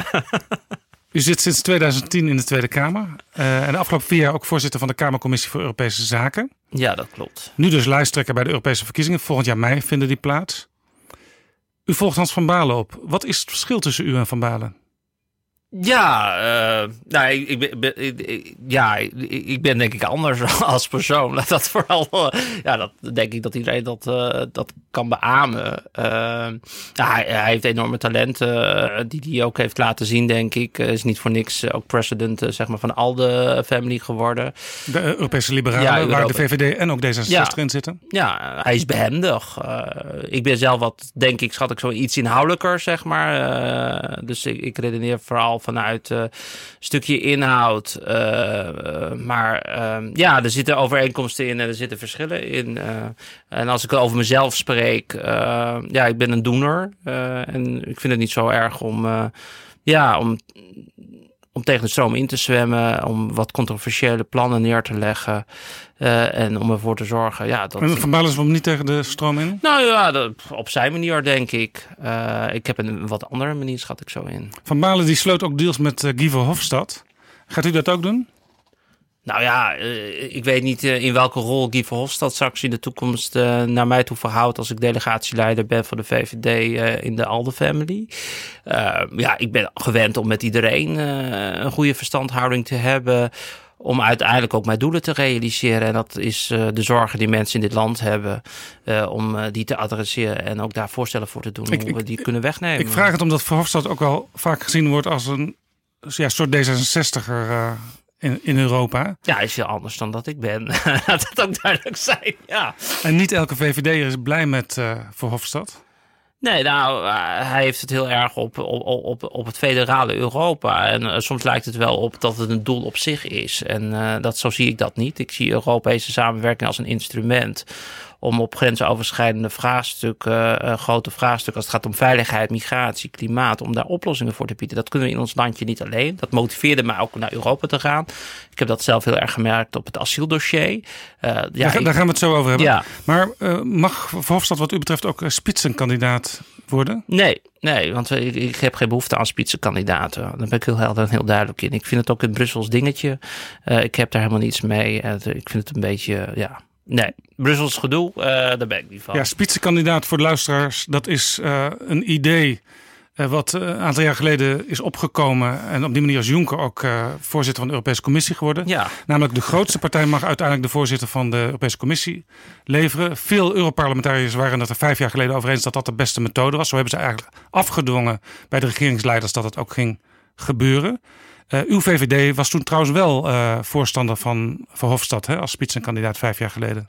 Nou, het lag meer in de lijn van de verwachtingen dat, dat hij nog een keer op zou gaan. En da daarmee is hij dan uh, nummer één en daarmee de spitsenkandidaat. Maar we hebben helemaal niks met het systeem van spitsenkandidaten. Nee. Dus u zegt de regeringsleiders moeten het gewoon besluiten? Ja, en de, de, wat mij betreft gaat het altijd om de beste man of beste vrouw op, de, op, de, op de plek die beschikbaar is. en dat zal, zal voor Nederland zeker gelden, ook straks als het gaat om commissarissen, et cetera. En wie is dat wat u betreft, de beste vrouw of man? Ja, dat verschilt per, per, per, per dossier. Uh, en dat, nee, maar goed, u mag één Europese commissievoorzitter aanwijzen. Ja, wat mij betreft wordt het een liberaal. Laat dat heel helder en duidelijk zijn. En, er zijn meerdere kandidaten op dit moment, denk ik. Ja, Verhofstadt is liberaal. Ja, dat, ja dat, dat, dat weet ik, dat hij liberaal is. Ja. En uiteindelijk ben ik voor een liberale voorzitter. Maar we weten ook met z'n allen de facto is dat de grootste groep de voorzitter. en wat mij betreft gaat het om de, om de, om de beste man of beste vrouw. Nou was dit vijf jaar geleden een methode voor veel Europarlementariërs om uh, een voet tussen de deur te krijgen voor het Europees Parlement. In uw programma schrijft u ook, of schrijft uw partij, want u zat niet in de commissie, geloof ik. Hè? Nee, ik, eh, ik was alleen adviserend betrokken bij het uh, verkiezingsprogramma. Dus er is een commissie geweest onder voorzitterschap van uh, Ruben Brekelmans. Die heeft nu het programma opgeleverd. En uiteindelijk is het dan de leden om te bepalen wat er met het programma gebeurt. Hè. Dus de kans om abonnementen in te dienen. Dat zouden we bij het najaarscongres eind november hebben we dat. zal het verkiezingsprogramma, nou ja, uiteindelijk worden vastgesteld door de leden. Ja, u schrijft dat het Europees Parlement zich niet met te veel dingen moet bezighouden, maar wel dat duidelijker moet worden naar de kiezers waar het Europees Parlement voor staat en hoe belangrijk het Europees Parlement op sommige punten kan zijn. Ja, absoluut. Wij vinden dat, uh, dat er gefocust moet worden op de grensoverschrijdende thema's. Die vraagstukken maar moet je dan niet toch zo'n spitsenkandidaat naar voren willen schuiven, ook als liberalen? Nee, nee, dat is toch Brussels. Dat, dat maakt toch de gewone man en vrouw op straat. Maakt het toch niet uit uh, hoe dat nou precies benoemd wordt. Of dat een spitsenkandidaat moet zijn. Of dat het uiteindelijk eigenlijk is dat, uh, dat regeringsleiders een voorstel doen. Of van een bepaalde politieke familie een voorstel doet. Wat mij betreft gaat het om de juiste man, om de juiste vrouw op de juiste plek. En dat zien we dan op het moment dat er een voorzitterschapsfunctie is. Of dat een bepaalde commissaarsrol is. En dan welk dossier dat dan is. En dan beoordelen we welke man of vrouw we op die plek zetten. En dan zitten gewoon een man of vrouw niet te wachten. Die, die, die zitten wachten volgens mij op dat we het migratieprobleem oplossen. Dat we weer controle krijgen op onze migratieaantallen. Die zitten op te wachten dat we voorkomen dat terrorisme, uh, mogelijke aanslagen in Nederland gaat plaatsvinden. En dan kunnen wij ons best doen in Nederland. Maar iedereen weet en voelt ook dat uh, zo iemand ook via de Belgische grens zo Nederland bijvoorbeeld binnen kan wandelen. Ja. Noemt, daar gaat ja. het wat mij betreft om. U noemt nu al een aantal dingen waar u vindt dat Europa meer moet doen. Of in ieder geval duidelijker moet optreden. Uh, maar u schrijft ook, daar gaan we het zo nog uitgebreid over hebben. Ja. U schrijft ook in uw programma... De, de programmacommissie, ja, die schrijft. Nou ja, ja. u bent lijsttrekker, dus ja. ik neem aan dat u het inmiddels geïnternaliseerd uh, Ja, natuurlijk, absoluut, ja. Dat er minder regels moeten komen in Europa. Frans Timmermans had dat als eurocommissaris als een van zijn hoofdtaken. Is hij niet geslaagd in die taak? Nou, het is heel, heel lastig uh, gevonden, denk ik, om, uh, om echt wat minder regels te doen. Wat ons het gaat, ga, gaat erom is dat je bij wijze van spreken geen richtlijnen hebt over geluidsniveau van stofzuigers, bij wijze van spreken. Wat al, nou ja, niet eens een bij wijze van spreken is, wat gewoon een concreet voorbeeld is waar Europa zich tegenaan bemoeit. Ja, dat vinden wij minder interessant. daar moet Europa zich niet mee bezighouden. Europa moet bezighouden met die grote thema's, zoals klimaat. Zorgen we ervoor dat we die langer, niet langer afhankelijk zijn van fossiele brandstoffen. Vanuit veiligheidsgeopolitieke redenen, maar ook vanuit hoe zorgen we ervoor dat we een stukje aarde gezonder kunnen overlaten aan onze toekomstige generaties. Daar willen we het met elkaar over hebben. Maar als uw buurman een stofzuiger heeft eh, die in een van obscuur land is gemaakt, uh, die enorm veel herrie maakt en hij gaat er uh, elke twee dagen mee aan de gang dan denkt u toch ook, was daar maar een norm voor? Ja, dat gaat toch in Europa niet met elkaar uh, lopen beslissen. Maar waar dan kunnen, wel? kunnen lidstaten toch prima zelf ja, Maar dat is toch raar dat je het op, op, ja. op, microniveau gaat besluiten? Dat kun je dan toch beter Europees regelen? Nou, dat vind ik niet. Nee, ik vind dat echt een, een belachelijk onderwerp om dat de Europees te willen gaan regelen. Volgens mij zitten de mensen te wachten op dat Europa uh, weer controle krijgt. Ja, nee, daar gaan we het zo over hebben. Maar wat maar, wilt u nog meer afschaffen? Welke regels nog meer? Nou, wat ons betreft kan het uh, moeten gefocust worden op, uh, op een serie thema's, uh, zoals in het verkiezingsprogramma Ja, dat weet ik, maar daar gaan we, daar gaan we het ja. zo over hebben. Maar wat, wat, wilt u, wat, welke regels moeten weg? Ja, dat, ik bedoel, volgens mij staat daar op onderwerpen wat we van, van, van bepaalde thema's, uh, thema's vinden. Ja, het grappige was. Ja, en die regels als het gaat om stofzuigers, bij wijze van spreken, of, of ja, wat ons betreft, uh, deleten we die. Die kunnen we precies uh, zelf doen. Ook als het gaat om pensioen, op pensioenen, de, ook daar ja, is Europa. Maar daar zijn helemaal geen Europese regels die afgeschaft kunnen worden. Nou ja, daar zitten wel al voorzetten of aanzetten. Ja, voorzetten, maar die regels zijn ja, er ja, ja, nee, maar dat, zo werkt Europa ook. het begint met een eerste richtlijn en dan een tweede richtlijn. En uiteindelijk hebben ze wel grip op onze pensioenen. En daarvan zeggen we heel duidelijk, bemoei niet. Ja, u wil dus iets afschaffen wat er nog niet is, maar misschien nee, nou, komen. daar zitten wel al richtlijnen op hoor. Ja. Maar maak u daar maar geen zorgen over. Daar hebben we ook politiek debat over hier. In de, uh, en ik zie ook dat, dat er wel stappen in worden gezet uh, om uiteindelijk wel een, bezig te zijn met onze pensioenen. Nou, daar gaat Europa wat ons betreft niet over. Europa gaat ja. wat ons betreft over veiligheid. Ja, daar gaan we het zo over hebben. Klimaat. Um, het grappige is, want ik, daarom stel ik die vraag ook over die regels. Dat staat namelijk in elk verkiezingsprogramma. Er moeten minder regels komen. Meestal staan ze niet echt uh, concreet ingevuld. De Britse Tories die hebben natuurlijk, uh, die zijn nu bezig met de voorbereiding van de Brexit. David Cameron, die het Brexit-referendum had uitgeroepen, die heeft op een gegeven moment aan ambtenaren gevraagd: maak nou eens een lijst van wat Europa allemaal te veel doet. Nou, die ambtenaren heel erg zoeken, heel erg zoeken, schrijven. Uiteindelijk kwamen ze met twee A4'tjes. En toen zeiden de Tories, ja, die ambtenaren die ontslaan we, want die komen niet met een goede lijst. Maar er bleken gewoon eigenlijk er bleken zoveel dingen te zijn gedaan, die gedaan worden door Brussel, die eigenlijk heel goed zijn. Als je er goed naar kijkt. Ja, nee, dat zeg ik ook. Ik zeg, en dat heeft u waarschijnlijk ook gezien. En volgens mij begon u daar in uw inleiding ook mee. Het is een erg uh, een positief uh, verkiezingsprogramma wat we hebben neergezet. Ja, en u haalt er dan een klein dingetje uit over minder regels. Uh, volgens mij staat dat in een bepaalde paragraaf over een specifiek onderwerp. maar volgens mij is het verkiezingsprogramma staat heel erg uit dat wij die samenwerking juist nodig hebben. En dat we dus niks hebben met die mensen die een beetje aan de zijlijn alleen maar staan te roepen wat allemaal niet deugt. Ja, want nu kom ik aan en wat totaal u- geen invloed hebben Ja. op uiteindelijk op waar, waar we met elkaar naartoe gaan. En hoe we ervoor zorgen dat we dus een veiliger, gezonder en welvarende eh, continent eh, Ja. blijven in de toekomst. U hebt het nu voor de derde keer gezegd en nu mag u het ook gaan invullen, want uw verkiezingsprogramma heet Focus en Lef. U wil dus focus, dus echt op bepaalde specifieke dingen richten. En u wilt op bepaalde terreinen ook lef uitstralen. Ja. Ik zie dat op een aantal punten u, uw partij nu volgens mij minder eurosceptisch is dan vijf of tien jaar geleden. U wilt bijvoorbeeld eh, meer samenwerking op eh, defensieterrein. U wilt Mhm. meer samenwerking op klimaatterrein. Ja. Dat was een jaar of vijf geleden nog min of meer taboe bij de VVD. Nou ja, ik zeg, eh, eh, VVD is een vrij realistische partij. Eh, vijf jaar geleden zaten we in een crisistijd. en toen zag u in het verkiezingsprogramma dat het accent heel erg lag op de interne markt. Dus op de handel, daarmee dus het creëren van banen en daarmee werkgelegenheid en groei van je eigen economie. En ik denk dat in de afgelopen vijf jaar ja, niets meer echt vanzelfsprekend lijkt. Als je kijkt naar Trump in Amerika, de politieke agenda van Erdogan, wat de extreme reformen heeft eh, aangemeten. eh, en ook hoe eh, Poetin zich verhoudt. Ja, dan zeg ik, wees niet naïef. Je hebt elkaar nodig om een vuist te maken op dit wereldtoneel. En dat betekent dat je elkaar niet laat uitspelen, zoals sommige krachten en sommige, sommige politici ook proberen te doen. Ik bedoel, ik vind Brexit vind ik een één grote drama. En, je ziet hier ook invloeden van partijen die zeggen van ja, Nederland moet ook uit de Europese Unie. Nou, ik zou zeggen, ik vind dat zwaar naïef. Voet, voet die externe bronnen daar dan maar mee. die andere onderdelen, die, ze- die eh, on- andere do- onderdelen van continenten van de wereld. Als het gaat om Rusland, Amerika, die lachen zich dood als je dat, eh, dat doet.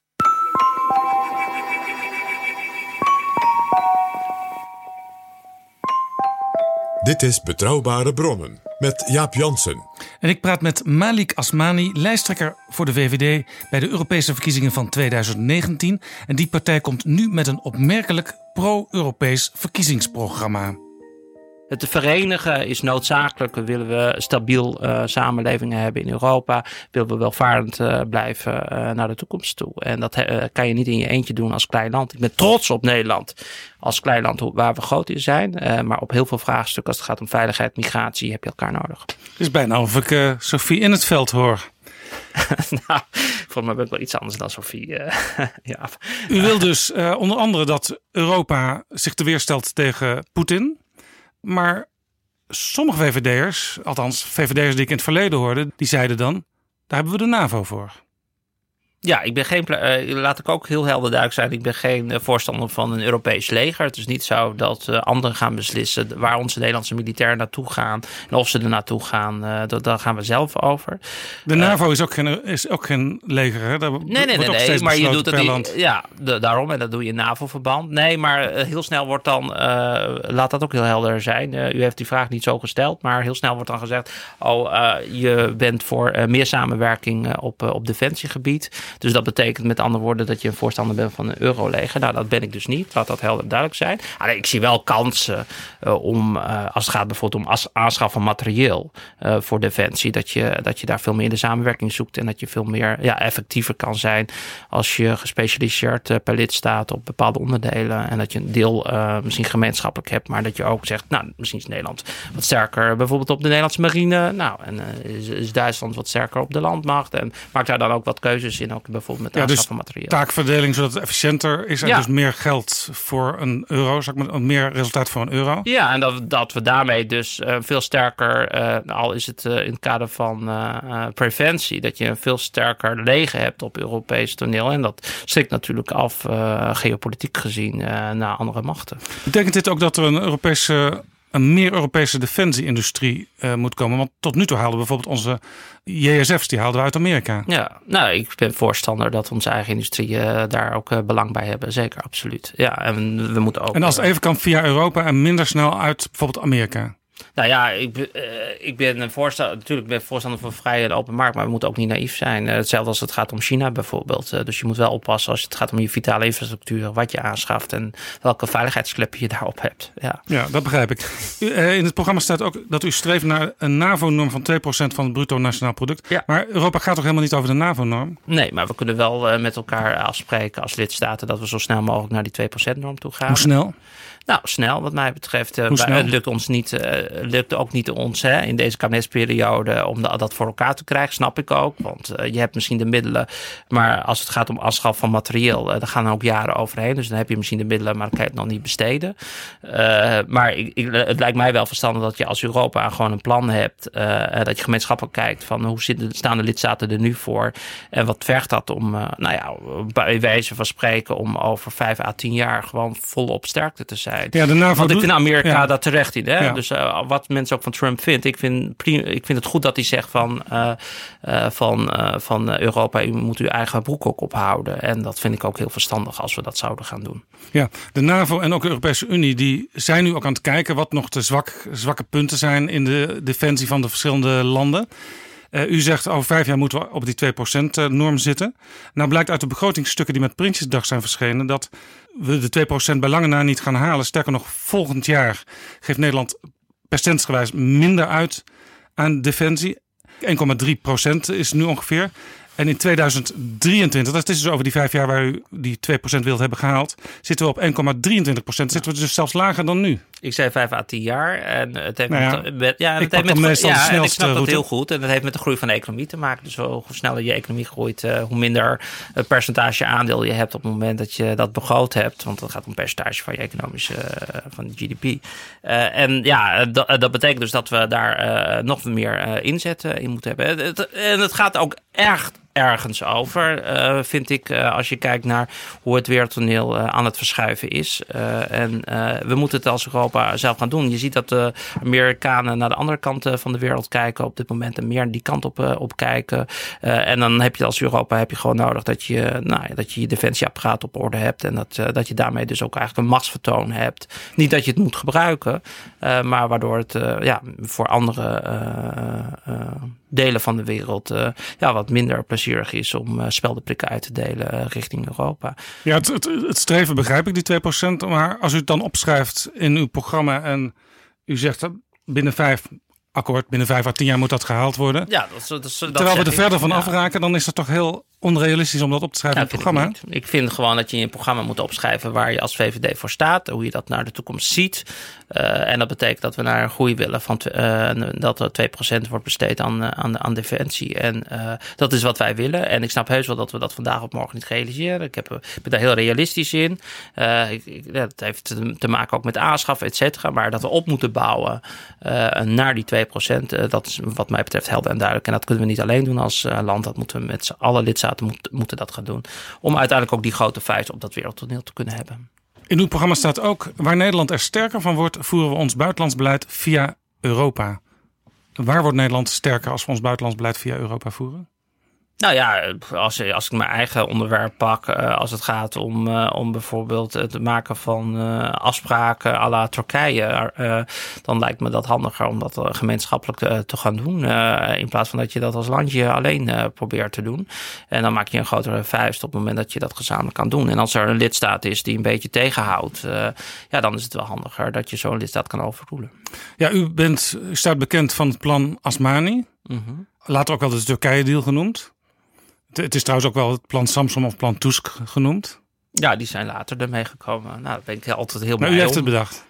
Nou ja, ik, ik ben als eer. Het gaat mij niet om die naam, echt niet. Uh, dat zeg ik ook uh, altijd. Uh, ik ben daar in maart 2015 meegekomen.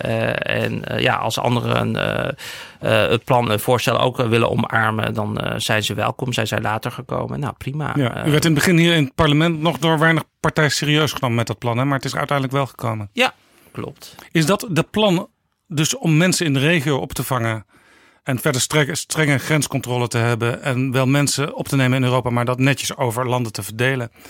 Als ik het zo goed samenvat. Is dat ook zeg maar uw Europese geboorte geweest? Zo van, hé, hey, Europa kan, blijkt toch te werken. Ja, eh, ja, uh, maar ook dat er grenzen zitten aan datgene wat je op uh, het onderwerp kan doen in het nationaal parlement. Dus dat is, heeft mij eigenlijk gemotiveerd om richting Europa te gaan. Omdat ik merk, wij vinden het nu hè, in dit parlement, zo'n 85% van de politieke partijen die staat eigenlijk achter het plan. Nou, mooi. je ziet dat de regeringsleiders vatbaar voor zijn. Hè, dat Tusk nu ook het, als platform neerzet. de commissie is nog wat terughoudend geweest de afgelopen jaren. daar ben ik ook best wel boos over. Heb ik in de debatten uh, heb ik daar ook wel eens een keer met een vuist op een tafel geslaan. Omdat, het, uh, ja, omdat ik echt vind dat het 5 voor 12 is of nou, zelfs over 12. Zat de commissie te veel op de oude lijn van we moeten mensen die in nood zijn binnenlaten? Ja, en niet weten uh, wie daar nou voor verantwoordelijk is als commissaris. Uh, daar heeft heel veel tijd in gezeten. Het nog steeds moeilijk vinden, een parlement wat natuurlijk nog daar nog weer achterloopt. sommige mensen denken nog steeds dat het in strijd is met verdragen. Waarvan ik destijds al heb gezegd, het is juist een plan binnen het verdrag. Ehm, dus, en hoe je daarmee om moet gaan. Dus je merkt gewoon dat dat dat, dat, dat, dat heel traag uh, van grond komt. En dat, ja, dat frustreert mij. En dan denk ik bij mezelf, dan kan ik effectiever op dit onderwerp in het Europees Parlement zijn en richting de verantwoordelijke eurocommissaris, dan dat ik hier de staatssecretaris aan de broek zit, wat hij al van mij kent en weet. En waarbij ik gewoon hetzelfde verhaal aan het lopen, aan het draaien ben. Dus je merkt gewoon dat je als nationale parlementariër je beperkingen kent op zulke soort grote vraagstukken. Dus je kan een idee lanceren, dus, en dat zie je ook dat krijgt vervolgens ook een vervolg op het moment nou ja, dat wij een premier hebben die gewoon internationaal, Europees gewoon heel uh, sterk staat. Uh, dus samen met Angela Merkel gewoon ook totdat die Turkije-agreement kwam. Toen hadden wij het Nederlands voorzitterschap van de Europese Unie. Ja, Angela Merkel zei over, overigens eerst weer schaffen es. Vond u dat toen een goede opmerking? Nee, dat heb ik meteen gezegd. Nee, belachelijk. Ja, dus, uh, je geheel. Uh, ja, dat, uh, is wensdenken van haar geweest. Uh, maar ze heeft waarschijnlijk niet gerealiseerd wat voor effecten gevolgen dat heeft. En in die tijd, daarna heb ik zelf ook de Griekse eilanden bijvoorbeeld bezocht. En je hoorde de mensen het gewoon letterlijk zeggen, de asielzoekers, van ja, we willen naar Mouti Merkel. Ja, dat roep je dan op je af. je weet dat er een groot conflict is in Syrië. Je ziet dat een deel in de regio blijft wonen in, op een vluchtelingenkamp. Een deel kiest er toch voor om verder te af te reizen. En als je dan als als uh, grote regeringsleider zegt, ja, kom maar hier, we schaffen dat. Ja, dan weet je wat op je afzien. En dat hebben we in 2015 gemerkt. Uh, Wat dat ook voor Nederland heeft in, betekend. In uw programma Focus en Lef staat, iedere vluchteling heeft recht op opvang in een veilig land in de regio. Nou hebben we natuurlijk in het Koninkrijk der Nederlanden ook Curaçao. En die hebben nu te maken met vluchtelingen uit Venezuela. Maar Curaçao zegt niet, wij zijn de regio, kom maar hier. Nee, nee, nee. Ja, uh, ja, je moet je afvragen in, hoeverre hè, in hoever het echt sprake is van echte politieke vluchtelingen. Ik snap heus wel dat mensen proberen uit dat land uh, weg te gaan en ervoor te zorgen dat ze in een ander type land komt. Uh, in principe vind ik dat het een verantwoordelijk is, eh, verantwoordelijkheid is uh, daar van de regio. en dat betekent ook ja, dat ze moeten kijken van in hoeverre dat ook daadwerkelijk politieke vluchtelingen zijn, ja of nee. En ja, dat betekent voor die eilanden ook dat ze dat, ja, dat, ze dat moeten gaan toetsen, zoals we dat bijvoorbeeld in Nederland ook doen. Dus in een AZC uh, eh, een procedure om te beoordelen of dit echt politieke vlucht Maar is eigenlijk niet gek als wij voor, Nederland en voor Europa zeggen... opvang in de regio is het beste, dicht bij huis. En dan kunnen ze ook terug als het daar veiliger wordt. Klinkt ook logisch. Maar dat we eigenlijk, als het over Curaçao gaat, zeggen... nou, Curaçao mag mensen tegenhouden, want... Uh, daar gelden blijkbaar andere waarden en normen dan wij voor Europa belangrijk vinden. Nee, uh, het gaat erom de vraag of, of er sprake is daadwerkelijk van po echte politieke vluchtelingen. En, dat zullen die eilanden, als eenmaal iemand daar komt en die zegt van ja, ik heb te vrezen voor het regime van Venezuela, dan zal dat daar beoordeeld moeten worden. die verantwoordelijkheid zullen ook die eilanden hebben om dat, om dat te doen. En er zijn ook andere landen in de regio daar die dat ook zouden moeten doen. Het zou niet betekenen, zoals sommige mensen denken, dat dat dan betekent dat, uh, dat ze hier naartoe gehaald zouden moeten worden om hier te worden opgevangen, et cetera. Dat zie je, dat zie ik niet. Nee, deel van uw plan en ook van het verkiezingsprogramma maakt uit dat uh, de buitengrenzen van Europa uh, strenger bewaakt worden. Ja. nou hebben we daar een organisatie voor die heet Frontex. Daar wilt u ook wel in investeren. Ja. Maar u zegt toch tegelijkertijd in het programma... de landen zijn zelf verantwoordelijk voor hun buitengrenzen. Waarom? Ja, primaire soevereiniteit ligt bij je land. Hè. Hetzelfde zou zijn als de, wij bijvoorbeeld de Rotterdamse haven controleren. Maar we hebben in, binnen Europa hebben we geen grenzen meer. Dan kunnen we toch ook beter samen die grenzen bewaken? Ja, nee, maar dat zeggen we ook. Dus stel, stel voor dat die lidstaten een beroep uh, willen doen op de, uh, op de solidariteit van andere lidstaten om die grenzen mee te bewaken. Dan, nou, dat zie je nu al. Hè. Griekenland maar kun je gewoon die buitengrenzen, kun je dat niet gewoon beter meteen met elkaar afspreken? Want je weet altijd dat als dingen mislopen in Europa, stel er komen toch weer ineens een heleboel stromen vluchtelingen aan. Ja, dan kan Italië of Griekenland moeilijk uh, die hele bureaucratische procedure van al die vergaderingen in gang zetten van help ons. Dan is het beter als het al geregeld is. Nou, dat is snel geregeld uh, volgens mij met elkaar. We, hebben, uh, we gaan het ook opplussen, de Frontex en de Europese Grens- en Kustwacht. En op het moment dat het er een toestroom is, dan is het inderdaad zo dat het eerste land waar de verantwoordelijkheid heeft, in dit geval Italië, en die moet dat registreren in een receptiecenter. En als Italië dat niet doet en, en mensen lopen gewoon door. Dan zag je wat we ook destijds met Griekenland hebben gedaan. Uh, dan gaan gewoon delen van grenzen dicht. En dan zit Italië alsnog met het, met het vraagstuk. Uh, dus uiteindelijk doen we het met elkaar op het moment dat dat nodig is. Dat is hetzelfde als met de grensbewaking. Dus in principe wil elk lidstaat dan gewoon zijn eigen grenzen kunnen bewaken. Lukt dat niet, uh, dan, dan springen we daarop in. en als een lidstaat dat niet wil, ja, dan vind ik dat het moet. dus het kan niet zo zijn dat als, als Italië zegt van ja, we willen helemaal niet een Europese grens of kustwacht of geen Frontex mensen op onze grens. We doen het zelf. Ja, ik denk wel. dat Italië zoveel mogelijk hulp wil. Nou ja, dat uh, laat, ik, laat ik hopen, ja. ja. Maar ja, een land kan ook denken, zoals Griekenland... Uh, van ja, in instantie willen wij geen bemoeienis hebben van de EU... want we hebben geen probleem, want ze lopen toch door Griekenland... Uh, richting West-Europa. Zo, zo was het in het verleden, hè. en in 2015, toen die grote toestroom was... ja, toen had iedereen de urgentie door van... ja, zo, zo wil het eigenlijk niet. Dus eigenlijk is het eerste land waar je binnenkomt... daar moet de registratie plaatsvinden. Ja, ja u noemt Griekenland en dat had natuurlijk grote problemen... de afgelopen jaren met de financiën, met de economie... Uh, Italië uh, zegt nu dat ze niet aan de Europese regels uh, voor de begroting, nationale begroting willen voldoen. Dat, wordt, dat zou een nieuw, nieuw soort Griekenland-probleem kunnen worden. En dan vele malen erger, omdat Italië natuurlijk een veel grotere economie heeft. Ja, vind ik een zorgelijke ontwikkeling. En het toont weer aan dat uh, eigenlijk de Europese Commissie uh, niet handhaaft op basis van uh, afspraken die we met elkaar hebben gemaakt. Als het gaat om stabiliteit en groeipact. en dat betekent dat je ja, binnen begrotingsregels je houdt. dat je je tekort niet groot op laat lopen. en wat je ziet is dat er gewoon niet op gehandhaafd wordt. Dat dat lastig is. En daarvan hebben we ook voorstellen in het verkiezingsprogramma gezet. Van ja, misschien moet je dat eigenlijk wel door een onafhankelijke instantie laten doen. Misschien is de commissie te politiek. Of je gaat de commissie minder politiek maken, maar veel technischer, uitvoerender. Of je gaat zeggen van we gaan een onafhankelijke instantie, een EMF, die nagaat of landen daadwerkelijk aan de afspraak houdt. Want uiteindelijk krijg je het dan als andere lidstaten toch weer op je bordje. En dat is ja, er, zijn, er zijn mensen in Europa die zeggen je moet een Europese minister van Financiën hebben. Die kan al dat soort dingen bewaken en controleren. Nou, dat hoeft geen Europees. Dan heb je dus weer een politiek, uh, politiek benoeming, een politiek orgaan. Dat is kennelijk lastig. Uh, men vindt dat lastig, want de commissie kan dat nu ook doen uh, om te handhaven. En daarom denk ik dat het veel beter is om het juist een onafhankelijk en onpartijdig iemand te laten doen. En die geen politiek belang heeft om iets wel of niet te doen. Ja, nog even over um, veiligheid en defensie. We hadden het er net al over. Via Europa maakt Nederland een vuist in de wereld, schrijft u in het programma toetreding van Turkije is verder weg dan ooit, lees ik. Uh, waarom staat er niet gewoon Turkije zal nooit lid worden van de Europese Unie? Ja, dat zou, zou je aan de verkiezingsprogrammacommissie moeten vragen. Wat mij betreft komt Turkije nooit in de Europese Unie. Dat, ben ik gewoon heel, dat, dat hoort u van mij. Zoals ik erin sta als, uh, als lijsttrekker voor de Europese verkiezingen. Uh, wat mij betreft komt Turkije nooit uh, in de Europese ik, ik zie dat niet. Cultureel zie ik dat ook niet. Gaat u op dit punt een amendement indienen op het VVD-verkiezingscongres? Nee, dat hoef ik niet te doen. Ik schat in dat daar een discussie over plaatsvindt tijdens het congres. Het is nu al zodanig opgeschreven dat het verder dan ooit is. en dat is het gewoon op basis van de agenda die gevoerd wordt op dit moment door Erdogan. Uh, ja, ik zie dat helemaal niet. Over dit punt is Geert Wilders ooit uit uw partij gestapt. Ja. Die zei, VVD moet 100% uitsluiten dat Turkije ooit lid wordt.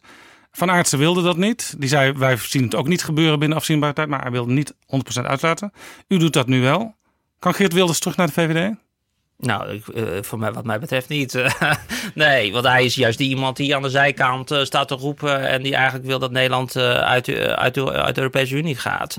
Ja, hij voedt juist de, de, de, tegenkrachten van, van Europa, waar ons welvaart op, op gericht is en waar onze veiligheid op gericht is. Ja, ik, ik, ik heb daar helemaal niets mee. Ik heb niets, echt niets mee met mensen die aan de zijlijn alleen staan te roepen wat allemaal niet goed is. Zonder zelf verantwoordelijkheid te nemen en invloed te hebben uiteindelijk dus ook wat daar gaat gebeuren in Brussel. Dus als je alleen maar aan roept aan de zijkant, heb je totaal geen invloed ook in Brussel. Dus daar ben ik niet van. En ik heb ook niet met al die mensen die de Europese Unie als een doel op zich ziet. Dat het een of andere federale staat zou moeten gaan worden. Wie, wie zijn dat bijvoorbeeld? Nou ja, eh, mensen die toch vrij federale sympathie Welke uh, mensen? Uit, nou ja, volgens mij heeft u al één genoemd in de uitzending. D66? nou, nou ja, het is een, niet, het is een partij die, die, die, die soms dingen, hè, meer geld naar het onderwijs. Ja, waar dan precies naar het onderwijs? Ja, maar, maar we zijn de onderwijspartij, dus betekent meer geld naar onderwijs. Ja, nou ja, ik vind het ook goed dat er goed geld naar onderwijs, dat de onderwijskwaliteit uh, verstandig is. Maar dat is niet altijd geholpen, misschien met meer geld. Misschien moet je ook een programma dan bieden of zo. Nou, hetzelfde als met Europa. Ik zie, uh,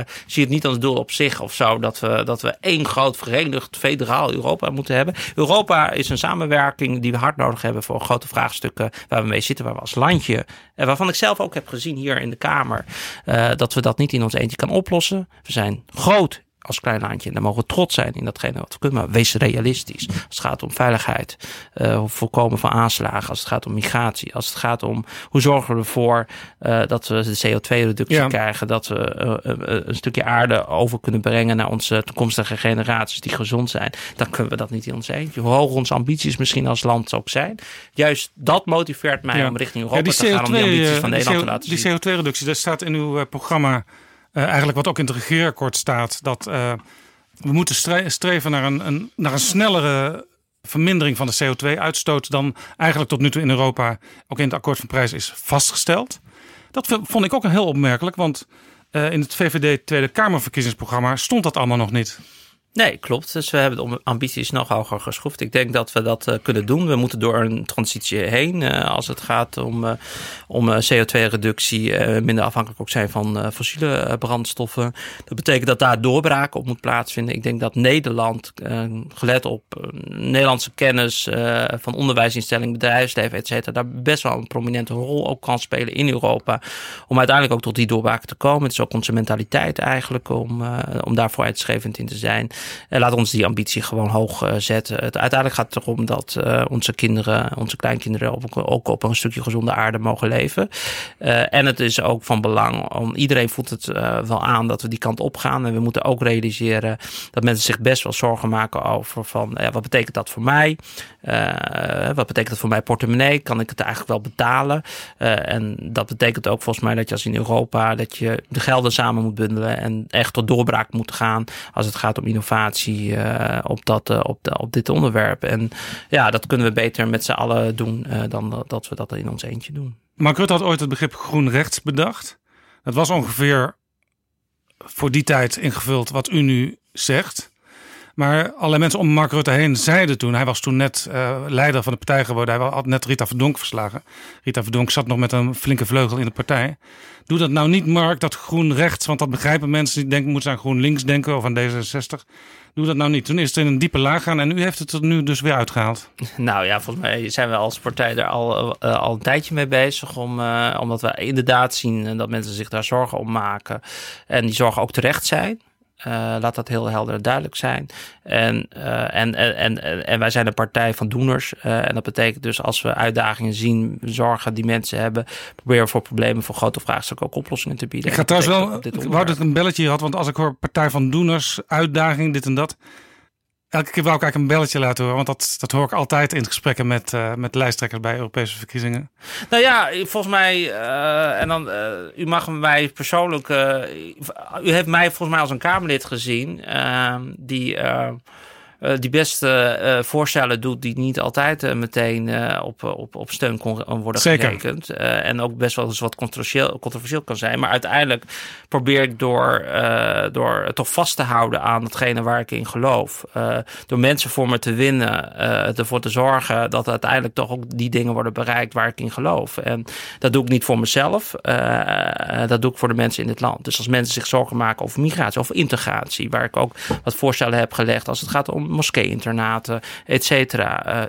dan, ja, dan ben ik daar vrij duidelijk in. dan spreek ik, spreek ik ook niet met mail in de mond. dat wordt dan vaak gezegd. en uiteindelijk bereik je dan die dingen uiteindelijk wel. doordat je vasthoudt, overtuigd bent van datgene wat er moet gebeuren.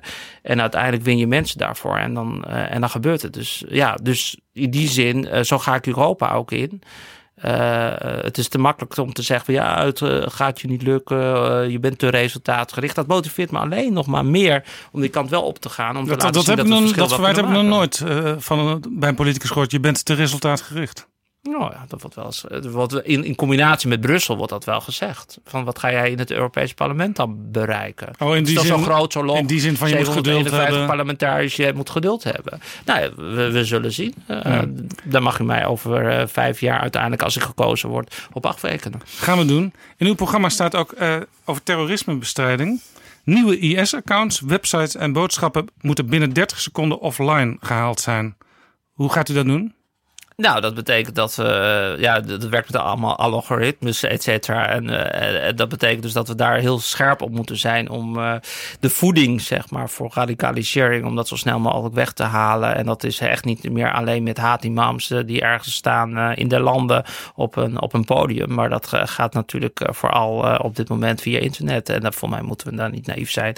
We moeten ervoor zorgen dat jongere mensen die daar vatbaar voor zijn, dat, ze, dat ze niet worden besmeurd met met, met deze uh, radicale ideologie. En dat moeten we zo snel mogelijk van de site maar als ik, afhalen. en dat kunnen we ook alleen maar samen doen. Hè? Want ja, internet is niet iets wat beperkt is tot Nederland. Dat is, iedereen kan erbij. en dat betekent dat we in Europa daar gewoon heel duidelijk in moeten zijn. En voor moeten zorgen dat we zo snel mogelijk die content van, van het internet Maar als ik op dit moment iets twitter over IS, dan is dus over 30 seconden is mijn Twitter-account geblokkeerd? Nou, het gaat er om welke boodschappen. Uh, ik geloof er niet in dat u uh, geradicaliseerde boodschappen gaat brengen. Nee, maar u zegt probeert haat te zaaien. Algoritmen bepalen dat. En weet zo'n algoritme wel precies wat ik bedoel met zo'n tweet?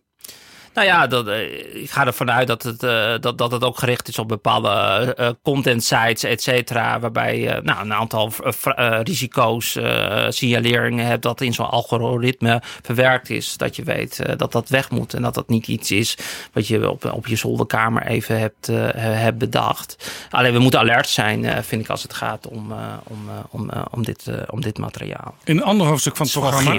Ja. in het hoofdstuk digitaal vooroplopen staat privacy is van fundamenteel belang. Maar hier grijpt u rechtstreeks in in de privacy van mensen.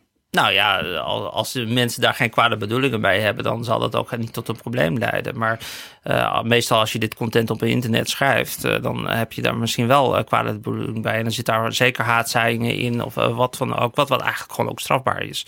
en dus dat, dat moet je zo snel mogelijk van, van, van het internet afhalen. Over privacy gesproken, u wilt ook dat bewaartermijnen voor data worden verlengd. Hoe lang moeten ze verlengd worden? Ja, dat verschilt uh, per, uh, per, per iets. We hebben op dit moment bijvoorbeeld als het gaat, ja, heet interoperabiliteit van, van systemen. Ook bijvoorbeeld als het gaat om migratie, dan, dan is daar een hele discussie of je nou bepaalde gegevens drie maanden mag bewaren of zes maanden. Ja, daarin moeten we denk ik niet al te naïef zijn als, om, om dat gewoon iets langer te kunnen bewaren als dat nodig is. Bijvoorbeeld voor intelligence, voor, de, voor, voor bijvoorbeeld onze eigen diensten. Maar als je de bewaartermijn verdubbelt, dan kost dat wel weer het bedrijfsleven geld. Nou, het gaat erom hoe lang mag je bepaalde data, bijvoorbeeld van inreizigers, van mensen die gewoon Europa binnenkomt, hoe lang mag je dat bijvoorbeeld bewaren? Nou ja, dan, dan kan het wel. Ja, maar ik kan me ook voorstellen dat, dat providers dan gevraagd wordt, uh, sla de spullen langer op en dat kost natuurlijk gewoon een ondernemer geld. Ja, maar meestal worden vinden registraties ook plaatsen op, op, op systemen van overheid, zeg maar, overheidssystemen. En dan is het de vraag altijd van hoe lang mag, mag de overheid dat bewaken en met welk bewaren en met welk doel mag dat? Uh, nou ja, ook daarvan zeg ik van, nou ja, wees daar ook niet naïef in. Uh, als je bepaalde informatie heb je gewoon soms nodig om uh, zaken rond te krijgen. Dus wat mij betreft mag dat ook iets langer bewaard worden. Maar dat mag dan niet te kosten gaan van bijvoorbeeld de bona fide reiziger. Dan gaat het om de malafide reiziger ja. natuurlijk. En daar vind je nou altijd de evenwicht met privacy. In het programma staat ook internetgebruikers kunnen zelf bepalen wat er met hun data gebeurt. Nou, dat is dus niet zo, want de data Nee. moeten langer opgeslagen worden. Klopt.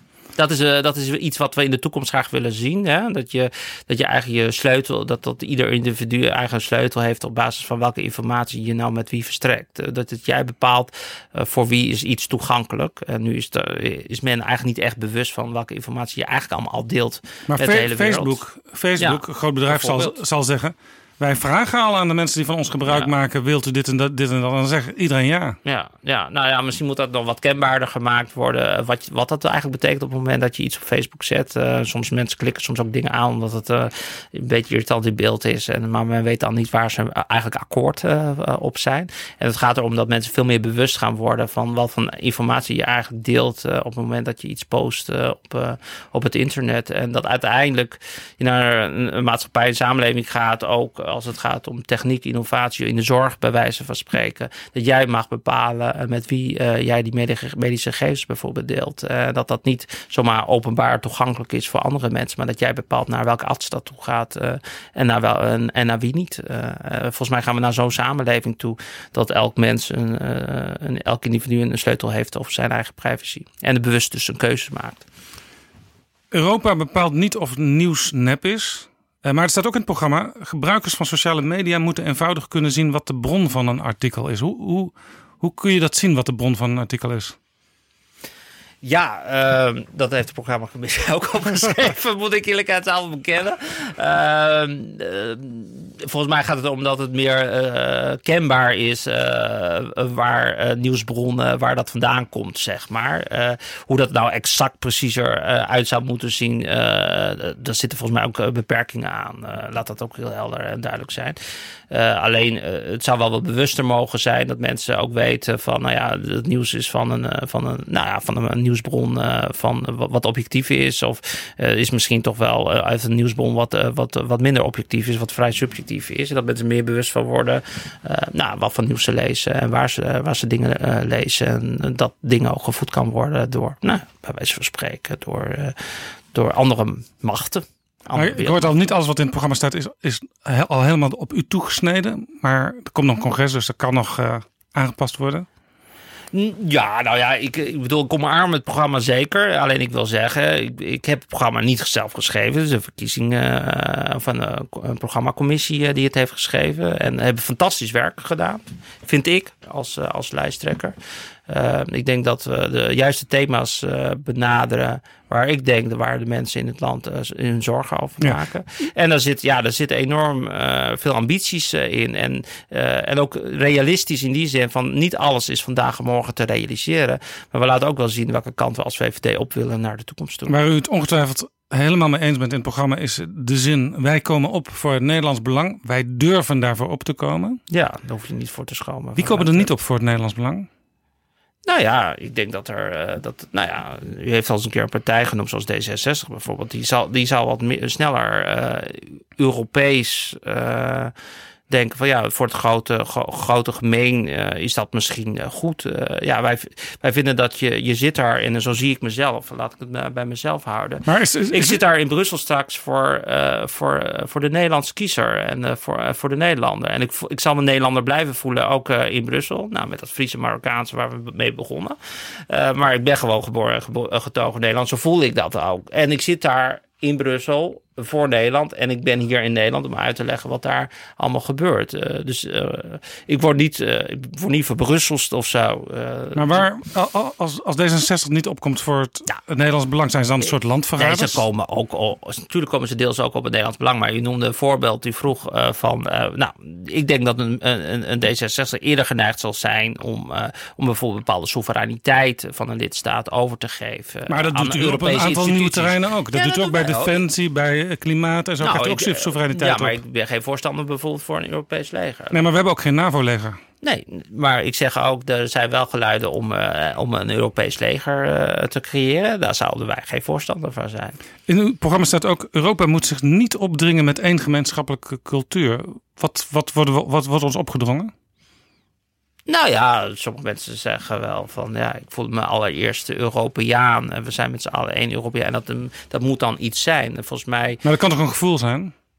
Ja, dat kan een gevoel zijn, maar volgens mij moeten we niet allemaal in één mantraatje zitten. Juist de, de verschillendheid, de diversiteit eigenlijk van de Europese Ja, Unie niemand- moeten we ook Ja. kunnen koesteren. Ik u- voel me Nederlander. Zien. Als we mij zullen vragen, voelt, voelt Malik Asmani zich nou Europeaan, Nederlander, eh Fries, Marokkaan of eh, eh, wie dan ook? Nou, ik ben Malik Asmani, ik voel me vooral Nederlander. Dat Punt. begrijp ik. Maar als uw buurman zegt, ik voel me allereerst Europeaan, dan lijkt me dat prima. Maar wat, wat wordt er nou vanuit Europa opgelegd dat we allemaal in één gemeenschappelijke cultuur moeten passen? Nou ja, vol, ja ook, eh, volgens mij is er ook zoiets als bijvoorbeeld een Euro, Euro- Europees museum, eh, museumjaarkaart of zo. Dat we dan is toch handig als je- je hebt geen grenzen meer, je wil naar een museum als je in, eh, in nou Antwerpen dat, bent. Dat kan iedereen prima toch zelf doen. Dat hoeft toch geen Europees Nee, museumjaarkaart gratis verstrekt te worden. Natuurlijk kan om iedereen- te laten zien dat we met z'n allen één, één identiteit met elkaar hebben. Nee, juist die verscheidenheid is denk ik wel mooi. Dat Italië, als je naar Rome gaat, als je van de, de kunst houdt, dat je daar iets anders ziet. eh, eh, nou, prima, dan ga je daar naartoe en dan ga je daar een trip. Dan hoef ik geen gratis Europees museumjaarkaart te hebben.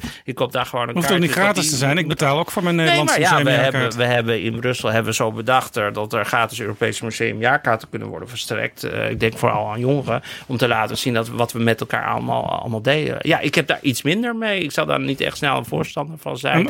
Oh, ik, ik, ik hou van verscheidenheid en uiteindelijk mogen we trots zijn dat we die samenwerking met elkaar kunnen vinden. En die hebben we hard nodig ook. Maar ik, ik geloof niet in van, eh, oh, we moeten met z'n allen... eh, Ja. Europese studenten minder uitwisselen?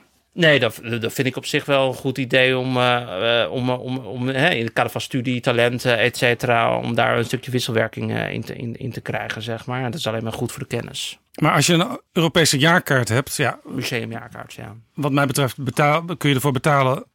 Europa vindt blijkbaar van niet. Maar daar, dring je er toch nog geen cultuur mee op? Nou ja, wel. Je- je- nou, dat zit er ook in. eh, dat je, dat, eh, nou, begint natuurlijk met het Europees volkslied. eh, je hebt dan, er zit een soort geloof of religie af en toe in. En dat is wat, wat, wat bij de VVD absoluut niet zit. Dus we, we zijn realisten. We zien dat die samenwerking nodig is. We zijn niet anti-Europees. Nee, ik denk dat we een vrij positief Europees verkiezingsprogramma neerzetten. Een realistisch verkiezingsprogramma. Ja, focus en lef. En dat gaat om focus leg en dat gaat om eh, grensoverschrijdende thema's. En dan heb ik niks meer van ja, de verbroedering die, eh, die we met elkaar eh, allemaal nodig hebben. Et. Ja, daar heb ik gewoon minder mee. Er ja. wordt in Europa al heel lang geklaagd dat de begroting van Europa voor zeven jaar wordt vastgesteld. Dat dat eigenlijk een veel te lange termijn is. Dan kun je dus in de tussentijd ook weinig veranderen. En Nederland, uw partij ook wil dingen veranderen. Bijvoorbeeld minder geld naar landbouw, meer geld naar innovatie. Ja. En nou zegt u in het programma, wij willen af van die zevenjaarsbegroting. Wij willen naar begrotingen voor vijf jaar. Waarom Ja. zegt u niet gewoon begrotingen voor één jaar, net als in Nederland? Nou, het is voor mij al een hele grote stap om te zeggen van, van, van zeven naar vijf jaar hoor, eh, in de Europese context. Dus Waarom? Nou, wij, eh, eh, ik denk dat de verkiezingsprogrammacommissie zo gedacht hebben van, nou, laten we dat synchroon lopen met eh, gewoon een nieuwe commissie. Hè, een periode van vijf jaar waar ook het Europees Parlement voor wordt gekozen. Er zijn Europarlementariërs, bijvoorbeeld Sofie in het veld, met wie u straks, als u gekozen wordt en als zij gekozen wordt, in één fractie zitten, al de fractie. Die zeggen we moeten naar een begroting voor één jaar toe. En dat bevordert ook dat het Europees Parlement meer greep op die begroting krijgt. Ja, dat is weer van, van, van, vanuit, eh, vanuit dat gedachte. Ik denk dat het al een grote stap is om hem uiteindelijk van zeven naar vijf jaar te krijgen. En laat dat gewoon een politiek momentum zijn. En dan kan de kiezer eh, bepalen of, eh, op welke politieke partij ze stemmen, op welke persoon ze stemmen als het gaat om welke keuzes je ook financieel maakt. En de een die zal voor het oplussen van een Europese begroting zijn en de ander zal voor het eh, verminderen eh, van, een, eh, van, van de uitgaven zijn. Of keuzes die je in uitgaven maakt. Eh, wil je meer naar innovatie of wil je meer eh, naar klassieke subsidies? Wil je minder de cohesie? Eh, wil je meer aan doen aan CO2? Eh, wil je meer aan migratieveiligheid doen? Of eh, wil je iets anders? Ja, u wil minder subsidies in Europa.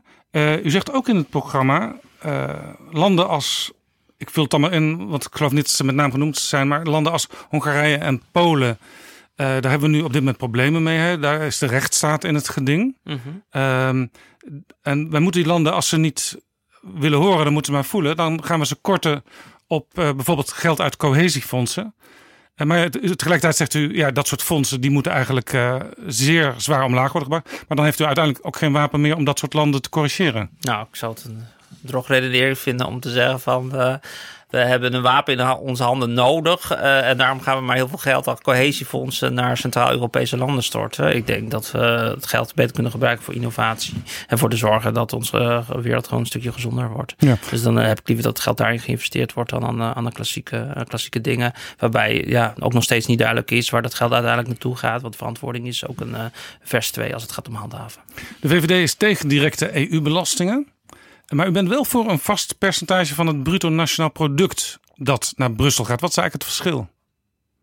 Nou, het gaat erom volgens mij dat we niet willen dat, er, dat Europa zelf belastingen gaat heffen op, uh, nou, op, uh, op, op, op, op, Nederlanders, bij wijze van spreken. Maar als er uh, belasting moet worden geheven of zo, dat dat dan indirect gaat via de lidstaten. Dus dan, hè, dan, dan kan je, zo is dat ook eigenlijk nu zo, dat het via, via MFF weer Maar wat maakt het nou uit of, of Brussel zegt wij gaan 2% heffen via directe belastingen. Of wij gaan ehm, aan de landen vragen: geef allemaal 2% van uw eh, bruto nationaal product aan ons. Omdat we vinden dat het nationaal bepaald zou moeten worden. Nationaal parlement, et cetera, die moet accorderen. En dat dat iets is. Moet je dan elk jaar, of in dit geval elke vijf jaar, als je vijf jaar begrotingen hebt uh, daar een heel debat over. Terwijl het gewoon een algemene regel is waar die voor iedereen hetzelfde geldt, namelijk zoveel procent. Ja, nee, maar we willen niet dat de belasting wordt geheven direct vanuit, uh, vanuit Europa richting uh, de Nederlandse. Nou, het is meer symbolisch van dat, dat is alweer een Europees dingetje. En nou dat ja, doet pijn. dat vindt het nationale parlement moeten daar ook wat van vinden. Wij vinden zelf in ons verkiezingsprogramma ook dat het nationale parlement een veel versterkte rol zou moeten hebben. In een vergezicht zou je zelfs willen misschien dat nationale parlementariërs gewoon in het Europese parlement gaan. In plaats van dat je een Europese parlementariërs verkiest en benoemt. Uh, dus we zien daar een hele, juist meer een versterkte rol van nationale parlementen in, uh, in Europa in plaats van uh, hoe het nu is. In uw programma, wat dus door een commissie geschreven is en waar u het meestal wel mee eens bent, staat het aantal medewerkers bij Europese instellingen moet worden teruggebracht. Hoeveel medewerkers moeten weg? Ja, uh, dat, dat uh, is een hele goede vraag, uh, vind ik, vind ik van, van, van u. Ik, ik heb die vraag ook aan de verkiezingsprogramma-commissie al, al gesteld. maar ik begrijp dat er. De, de, we hebben dat nationaal ook gedaan. Hè? We hebben ook gezegd er moet zoveel mogelijk een percentage. Ja, het wordt gezegd altijd, maar het gebeurt bijna nooit. Ja, nee, maar ik, heb, ik, ik ben er nu al een paar keer geweest de afgelopen tijd. en ik zie nu al dat ik echt denk van volgens mij kan er wel kan er zeker wel wat van, van af. Geef eens drie voorbeelden. Nou ja, ik zie, uh, ik zie, ik zie, ik vraag dan, uh, nou ja, ik, zie, ik, ik, ik vind het lastig om eerlijk te zijn om op dit moment gewoon het concrete voorbeeld, uh, voorbeeld te geven. Wel, ik ken de voorbeelden wel, maar ik doe het niet recht aan alle mensen die dat goede werk op, hun, op hun manier doen. U bent nu er al aan het draaien. Nee, ik ben dus niet aan het draaien. Je zit nog niet eens op het parlement en zegt het nu al over het goede werk. Gaat, nee, maar het gaat mij er niet om. Het gaat mij erom dat je, als ik nu, eens, u vraagt mij drie specifieke voorbeelden, als ik die specifieke voorbeelden ga noemen, dan ga, ja, dan vind ik gewoon nat ver voor de mensen die op dit moment dat werk aan het doen ben. Ik denk ook niet dat je concreet moet zeggen: oh, het moet die afdeling zijn of moet dat zijn. Je moet, moet gewoon een taakstelling neerzetten dat je een percentage, uh, bijvoorbeeld 10% uh, een percentage van je, van je, van je bestand uh, naar beneden kan. Maar en dat moet toch ergens op dat... gebaseerd zijn, nee, zo'n nou ja, percentage? Nee, het zijn wat lo, het zijn logge organisaties waarbij de samenwerking ook tussen de verschillende commissarissen nog veel sterker kan. Dat heb ik zelf op migratie bijvoorbeeld ook gezien. Maar daar heeft u een goed voorstel voor. U zegt het aantal Europese commissarissen moet gehalveerd worden, moet ja. van 28 naar 14. Klopt. Dan, dan los je dat probleem toch al voor een groot deel op? Dat nou ja, dat betekent dus ook minder ambtenaren, ja. Hoeveel ambtenaren heeft Europa eigenlijk? Veel. Hoeveel? Ja, echt heel veel. Europa heeft minder ambtenaren dan de stad Amsterdam. Nou, dat, uh, dat zou heel mooi zijn, maar het is echt, uh, om eerlijk te zijn, echt heel veel. En ik, heb, ik zeg al, ik ben daar al een paar keer geweest en ik zie, ik zie wat daar gebeurt. En daar, kan, daar zit echt een uitdaging in, om, en niet om, om ambtenaren te pesten, daar ben ik ook niet van, want ik ben zelf iemand uh, die uit het ambtenarenapparaat komt. Maar ik zie dat we daar gewoon wel een behoorlijke winst kunnen gaan boeken. Waarbij ook het parlement bijvoorbeeld ook veel meer zich kan richten op die kerntaken en niet bezighouden met wat ik heb al eerder al heb gezegd, bijvoorbeeld met een stofzuiger op welk bepaald levelniveau. Hè? Dus nu 751 euro parlementariërs. Mag ik een voorstel doen? Het staat niet in uw programma. Maar als we nou de tolken afschaffen voor een groot deel. Als we Engels als voertaal nemen in de Europese Unie. Maar bijvoorbeeld geen tolken meer naar, naar of van het Nederlands. Ja, ik zou, ik zou dat prima vinden zelf. Uh, Want de tolkendienst is een van de grootste slok-ops van Brussel. Ja, ik zou dat zelf prima vinden in de internationale conferenties die ik zelf tot nu toe heb bezocht als voorzitter van de Commissie Europese Zaken. Dan uh, zit daar ook een Nederlandse tolk uh, bij de plenaire gedeelte in ieder geval. En ja, om eerlijk te zijn maak ik daar nooit gebruik van, omdat ik mijn zegje dan in het Engels doe. En het is kennelijk gewend in het parlement, dat vond ik in het begin, dat wist ik ook niet, dat iedereen gewoon in zijn eigen taal spreekt. Ja, wat mij betreft uh, gaan we, uh, gaan we naar, de, naar het Engels. En is dat gewoon een algemene voertaal. En volgens mij kan je dan ook beter uitdrukken. En komt jouw boodschap ook beter aan richting andere Europarlementariërs op op het moment wanneer je gemeenschappelijke taal met elkaar spreekt. Het verkiezingsprogramma Focus en Lef laat zien dat het belangrijk is op een aantal punten in Europa intensiever samen te werken. U zegt, wij zijn daar nu ook aan toe, want vijf jaar geleden, tien jaar geleden waren we nog heel erg met de financieel-economische crisis bezig. Heeft het ook iets te maken met Brexit, dat je je als VVD toch ook beter realiseert hoe waardevol Europa kan zijn? Nou, ik denk niet dat we gevoed zijn door de Brexit. Uh, het is natuurlijk wel bijzonder om te zien. Ik bedoel, wij hebben als VVD nooit gedacht dat uh, Nederland uit, uh, uit de Europese Unie zou moeten stappen. Uh, we hebben al onze banen uh, het te danken aan de handel die we hebben in de interne markt binnen de Europese Unie. Dus daar da, da, daar leven we op ook als, als, als economie. Dus dat is voor ons nooit een vraagteken geweest. we constateren wel dat, dat, dat iemand, een lidstaat, ons nu verlaat. daar zal heel veel verschillende redenen voor zijn. er zijn ook eigenlijk non-argumenten gebruikt om, om, om het zover te krijgen. Ook bijvoorbeeld als het gaat om migratie, als argument. Ja. En, en, en, daar moeten we wel zorgen om maken. Ik bedoel, wij zijn niet gebaat bij het uiteenvallen van de Europese Unie. Juist nu niet in de veranderde wereld. Als je kijkt om wat er omheen heen gebeurt. Dus wil je veiligheid uh, waarborgen voor, voor de mensen in je land. Uh, dan zou het domste zijn om, om nu uit de Europese Unie te stappen. Ja, eerder in Betrouwbare Bronnen had ik te gast Pim Waldek. Hij is oud-ambassadeur in Londen. En hij schetste dat Nederland eigenlijk altijd heel comfortabel zat in de driehoek Londen, Berlijn, Parijs. Mhm. En uh, Londen ging dan meestal wat meer naar de andere kant hangen. En daar had Nederland baat bij, want dan konden wij uiteindelijk een compromis sluiten en kwamen precies in het midden terecht. Londen valt nu natuurlijk weg. Op wie moeten we ons nu gaan oriënteren binnen Europa? Wie is nu onze natuurlijke bondgenoot? Nou, dat verschilt uh, denk ik per, uh, per onderwerp. Dus daar moet je ook realistisch in zijn. Uh, je hebt de Nordics en de, en de, en Scandinavische landen als het gaat bijvoorbeeld om de euro. Ja, Wopke Hoekstra waar, ja, praat veel met die landen. Juist, waar Wopke veel mee spreekt. Maar ik, om heel eerlijk te zijn denk ik ook dat je gewoon een sterke relatie aan moet gaan met, met de Fransen en met de Duitsers. en, en volgens mij is onze premier Mark Rutte daar uiterst goed in om dat, om dat te bewaken. Zodat we ook als Nederland uh, behoorlijke invloed hebben in de Europese Unie. En het is ook aan mij aan de taak om juist ook met die grote landen goede relaties uh, om te gaan, zodat wij gewoon invloed hebben op uh, besluiten die worden genomen. Vroeger, toen uw partij nog eurosceptisch was, toen zeiden andere partijen ja, dat doen ze ook, want ze vinden het niet altijd bij de VVD, maar dat doen ze ook om Geert Wilders de wind uit de zeilen te nemen. En nu hebben we nog steeds Geert Wilders met 20 zetels in het Nederlandse parlement. We hebben inmiddels ook Thierry Baudet met twee zetels, dan misschien wel meer als je de peilingen ziet. Uh, bent u nu niet meer bang voor die concurrentie? Nou, ik, ik, denk niet dat concurrentie een drijfveer is geweest, om heel eerlijk te zijn. En als dat wel zo is geweest in het verleden waar ik niet bij betrokken ben geweest, dan vind ik dat een, een slechte drijfveer. Ik denk dat wij als partij realistisch zijn. En je kijkt naar een wereld die aan het veranderen is, ook de afgelopen vijf jaar. En ja, en dan kom je tot de conclusie volgens mij. Uh, maar waarvan wij in het verleden ook hebben gezegd, ja, Europa moet wel focussen. Dus uh, alsjeblieft, doe het op de grote vraagstukken waar je die samenwerking juist nodig hebt. Uh, want dan kleine vraagstukken leidt alleen maar af om oplossing te bieden voor die grote vraagstukken. Dus focus, dat zit er heel duidelijk in. En wees daar gewoon ook ambitieus in. En voor mij hebben we dat met deze verkiezingsprogramma. En ehm, ja, is dat misschien anders dan vijf jaar geleden, het verkiezingsprogramma. Maar dat was ook toch een, toen een andere tijdperk, zoals ik al zei. Een crisis waarbij je accent veel meer legt op de interne markt dan nu deze dagen. Als je kijkt naar wat er gebeurt om de wereld om ons heen als het gaat om veiligheid. Uw voorganger als lijst lijsttrekker eh, Hans van Bijlen is um, vele malen in en uitgelopen bij En Marche in Parijs, de partij van eh, Emmanuel Macron. Hij wil ook graag een, een samenwerking uh, met Macron, misschien wel zelfs één fractie in het Europees Parlement. Wilt u dat ook? Nou, op dit moment zijn er uh, verkenningen gaan in hoeverre de Alde family met Macron eventueel samen zou kunnen in, in een platform. En ja, Macron heeft zelf aangegeven mogelijke samenwerking te zien met de Alde. En dat wordt op dit moment verkend.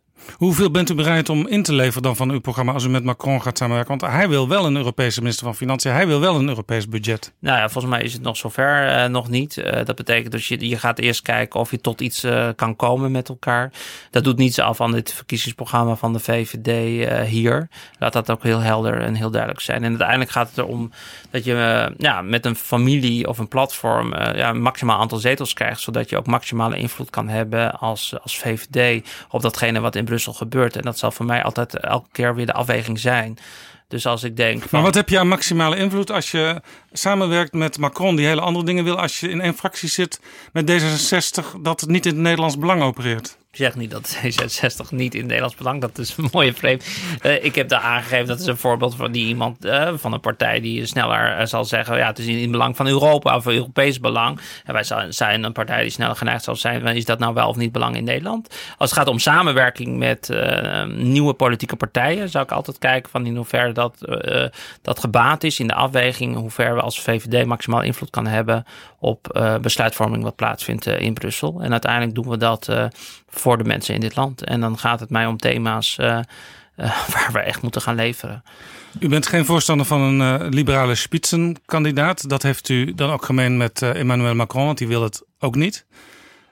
Frans Timmermans, die zou spitsenkandidaat kunnen worden. Hij wil dat graag voor de Sociaaldemocraten. Mag Frans Timmermans door als Nederlandse eurocommissaris? Nou, daarvan heb ik eerder al in de uitzending gezegd dat ik denk dat het van belang is uh, dat we pas gaan kijken van uh, welke post heb je ja, als maar Nederland. De, de, uw kiezer wil weten wat uw uh, ja, uitgangspunt is. Het gaat er om welke post je als Nederland krijgt en wel, welke beste vrouw of beste man daarop op past. Het is afhankelijk van de portefeuille. En Timmermans, daarvan heb ik gezegd al eerder ook, heeft daar best goed werk gedaan. dus hij heeft, heeft dat best gedaan. En, maar hij blijft een sociaal-democraat. Uh, en uh, dus ja, laat dat ook heel helder en duidelijk zijn. Uh, en kennelijk vindt, voelt hij zich geroepen om een positie te hebben richting de commissie om als spitskandidaat voor de Sociaaldemocraten op te voeren. Ja, daarvan vind ik, dat vind ik vrij Brussels, een Brussels spel. Ik ga er in ieder geval voor als lijsttrekker voor de VVD om in het Europees Parlement terecht te komen om uiteindelijk zoveel mogelijk invloed te hebben in Brussel op de zorgen die mensen in dit land hebben. Ja, Partij van Arbeid zit natuurlijk ook niet in het kabinet. Heeft nu wel uh, vijf jaar uh, Frans Timmermans. Daarvoor zijn er een aantal VVD-eurocommissarissen geweest. Uh, zou je ook niet gewoon kunnen zeggen dat nu het CDA of D66 aan de beurt zijn om er één te leveren? Nou ja, wat mij betreft gaat het. ik, heb liever, ik zie liever een liberaal, zeg maar, op een belangrijke post. en het gaat mij erom dat het de juiste man en de juiste vrouw vanuit Nederland is die dat kan doen. en dat zal ik beoordelen. De Europese Raad van Regeringsleiders heeft ook een nieuwe leider nodig. Zou het een eer zijn als Mark Rutte Tusk opvolgt? Nou ja, hij zegt zelf dat hij uh, dat niet wil. Dus uh, dat, is niet, uh, dat is niet aan de orde. Maar zou het een eer zijn? Mm, volgens, mij, volgens mij is het een eer van hem om dit premier van Nederland te zijn. En dat doet hij volgens mij in mijn ogen naar goede kunnen met een coalitie van vier partijen. En die willen je tot een eind brengen. Maar we weten allemaal uit ervaring inmiddels hoe dat in Europa gaat juist de mensen die zeggen ik zou wel het baantje wel hebben, die worden het meestal niet.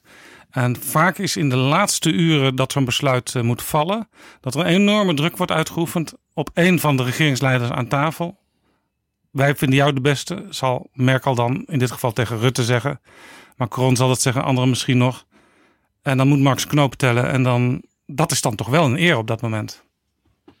Nou ja, eh, zoals ik de premier beluister, uh, dan, dan voelt hij een eer om premier van Nederland te zijn. Natuurlijk, dat moet je ook zeggen, want anders ben je weg als je dat niet zegt. Nee, nou ja, nee, maar zo is hij ook echt. Uh, of zo ken ik hem ook echt in de gesprekken die ik met hem heb. En, dus ik, u, u zult verbijsterd staan als hij het uiteindelijk toch zou doen naar Europa, die positie van Tusk overnemen. Nou, hij zegt dat het niet in orde is, uh, aan, aan, de orde is. En dan ga ik ervan uit dat het niet aan de orde is. Ja, en dat is ook op dit moment zeker niet. Nee, op dit moment. Nee. Nee, en wat de toekomst biedt is de toekomst. Dat uh, laat ook heel ja, helder. Dus maar hij heeft, die hij heeft die aspiraties. Nou, hij zegt dat hij die aspiraties niet hebt. En ik geloof van zijn woord, ja. Maar soms moet je toch dingen doen omdat het lot je daartoe brengt. Namelijk, Nou ja, niemand, kan, niemand kan in de toekomst kijken. Niemand heeft een kristallenbol. Dat heb ik ook niet. Eh, ik wist ook niet eh, toen ik hier eh, in de Kamer terecht kwam... dat ik uiteindelijk in het Europese parlement mogelijk terecht gaat komen... dat ik lijsttrekker zou worden van de VVD voor het Europese, voor Europese parlementsverkiezingen. Dat, dat weet je nooit in het leven. Alleen, ja, hij is heel helder en heel duidelijk. Hij wil dit kabinet tot een goed eind brengen. Malik Asmani, mag ik u danken voor dit gesprek en ik wens u veel focus en lef toe in Europa. Dank u wel, meneer Jansen.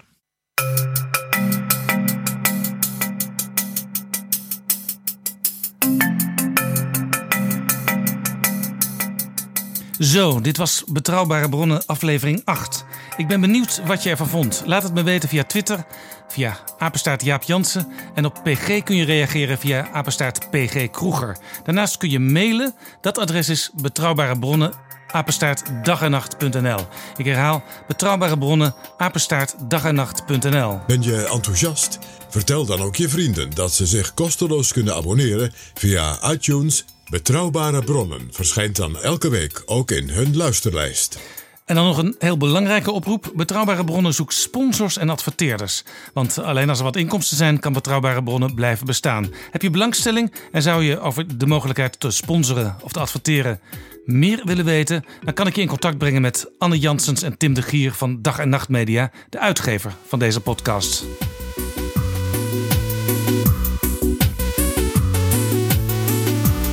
Volgende week is de Tweede Kamer met reces, maar betrouwbare bronnen is er gewoon weer. Dan met aflevering 9.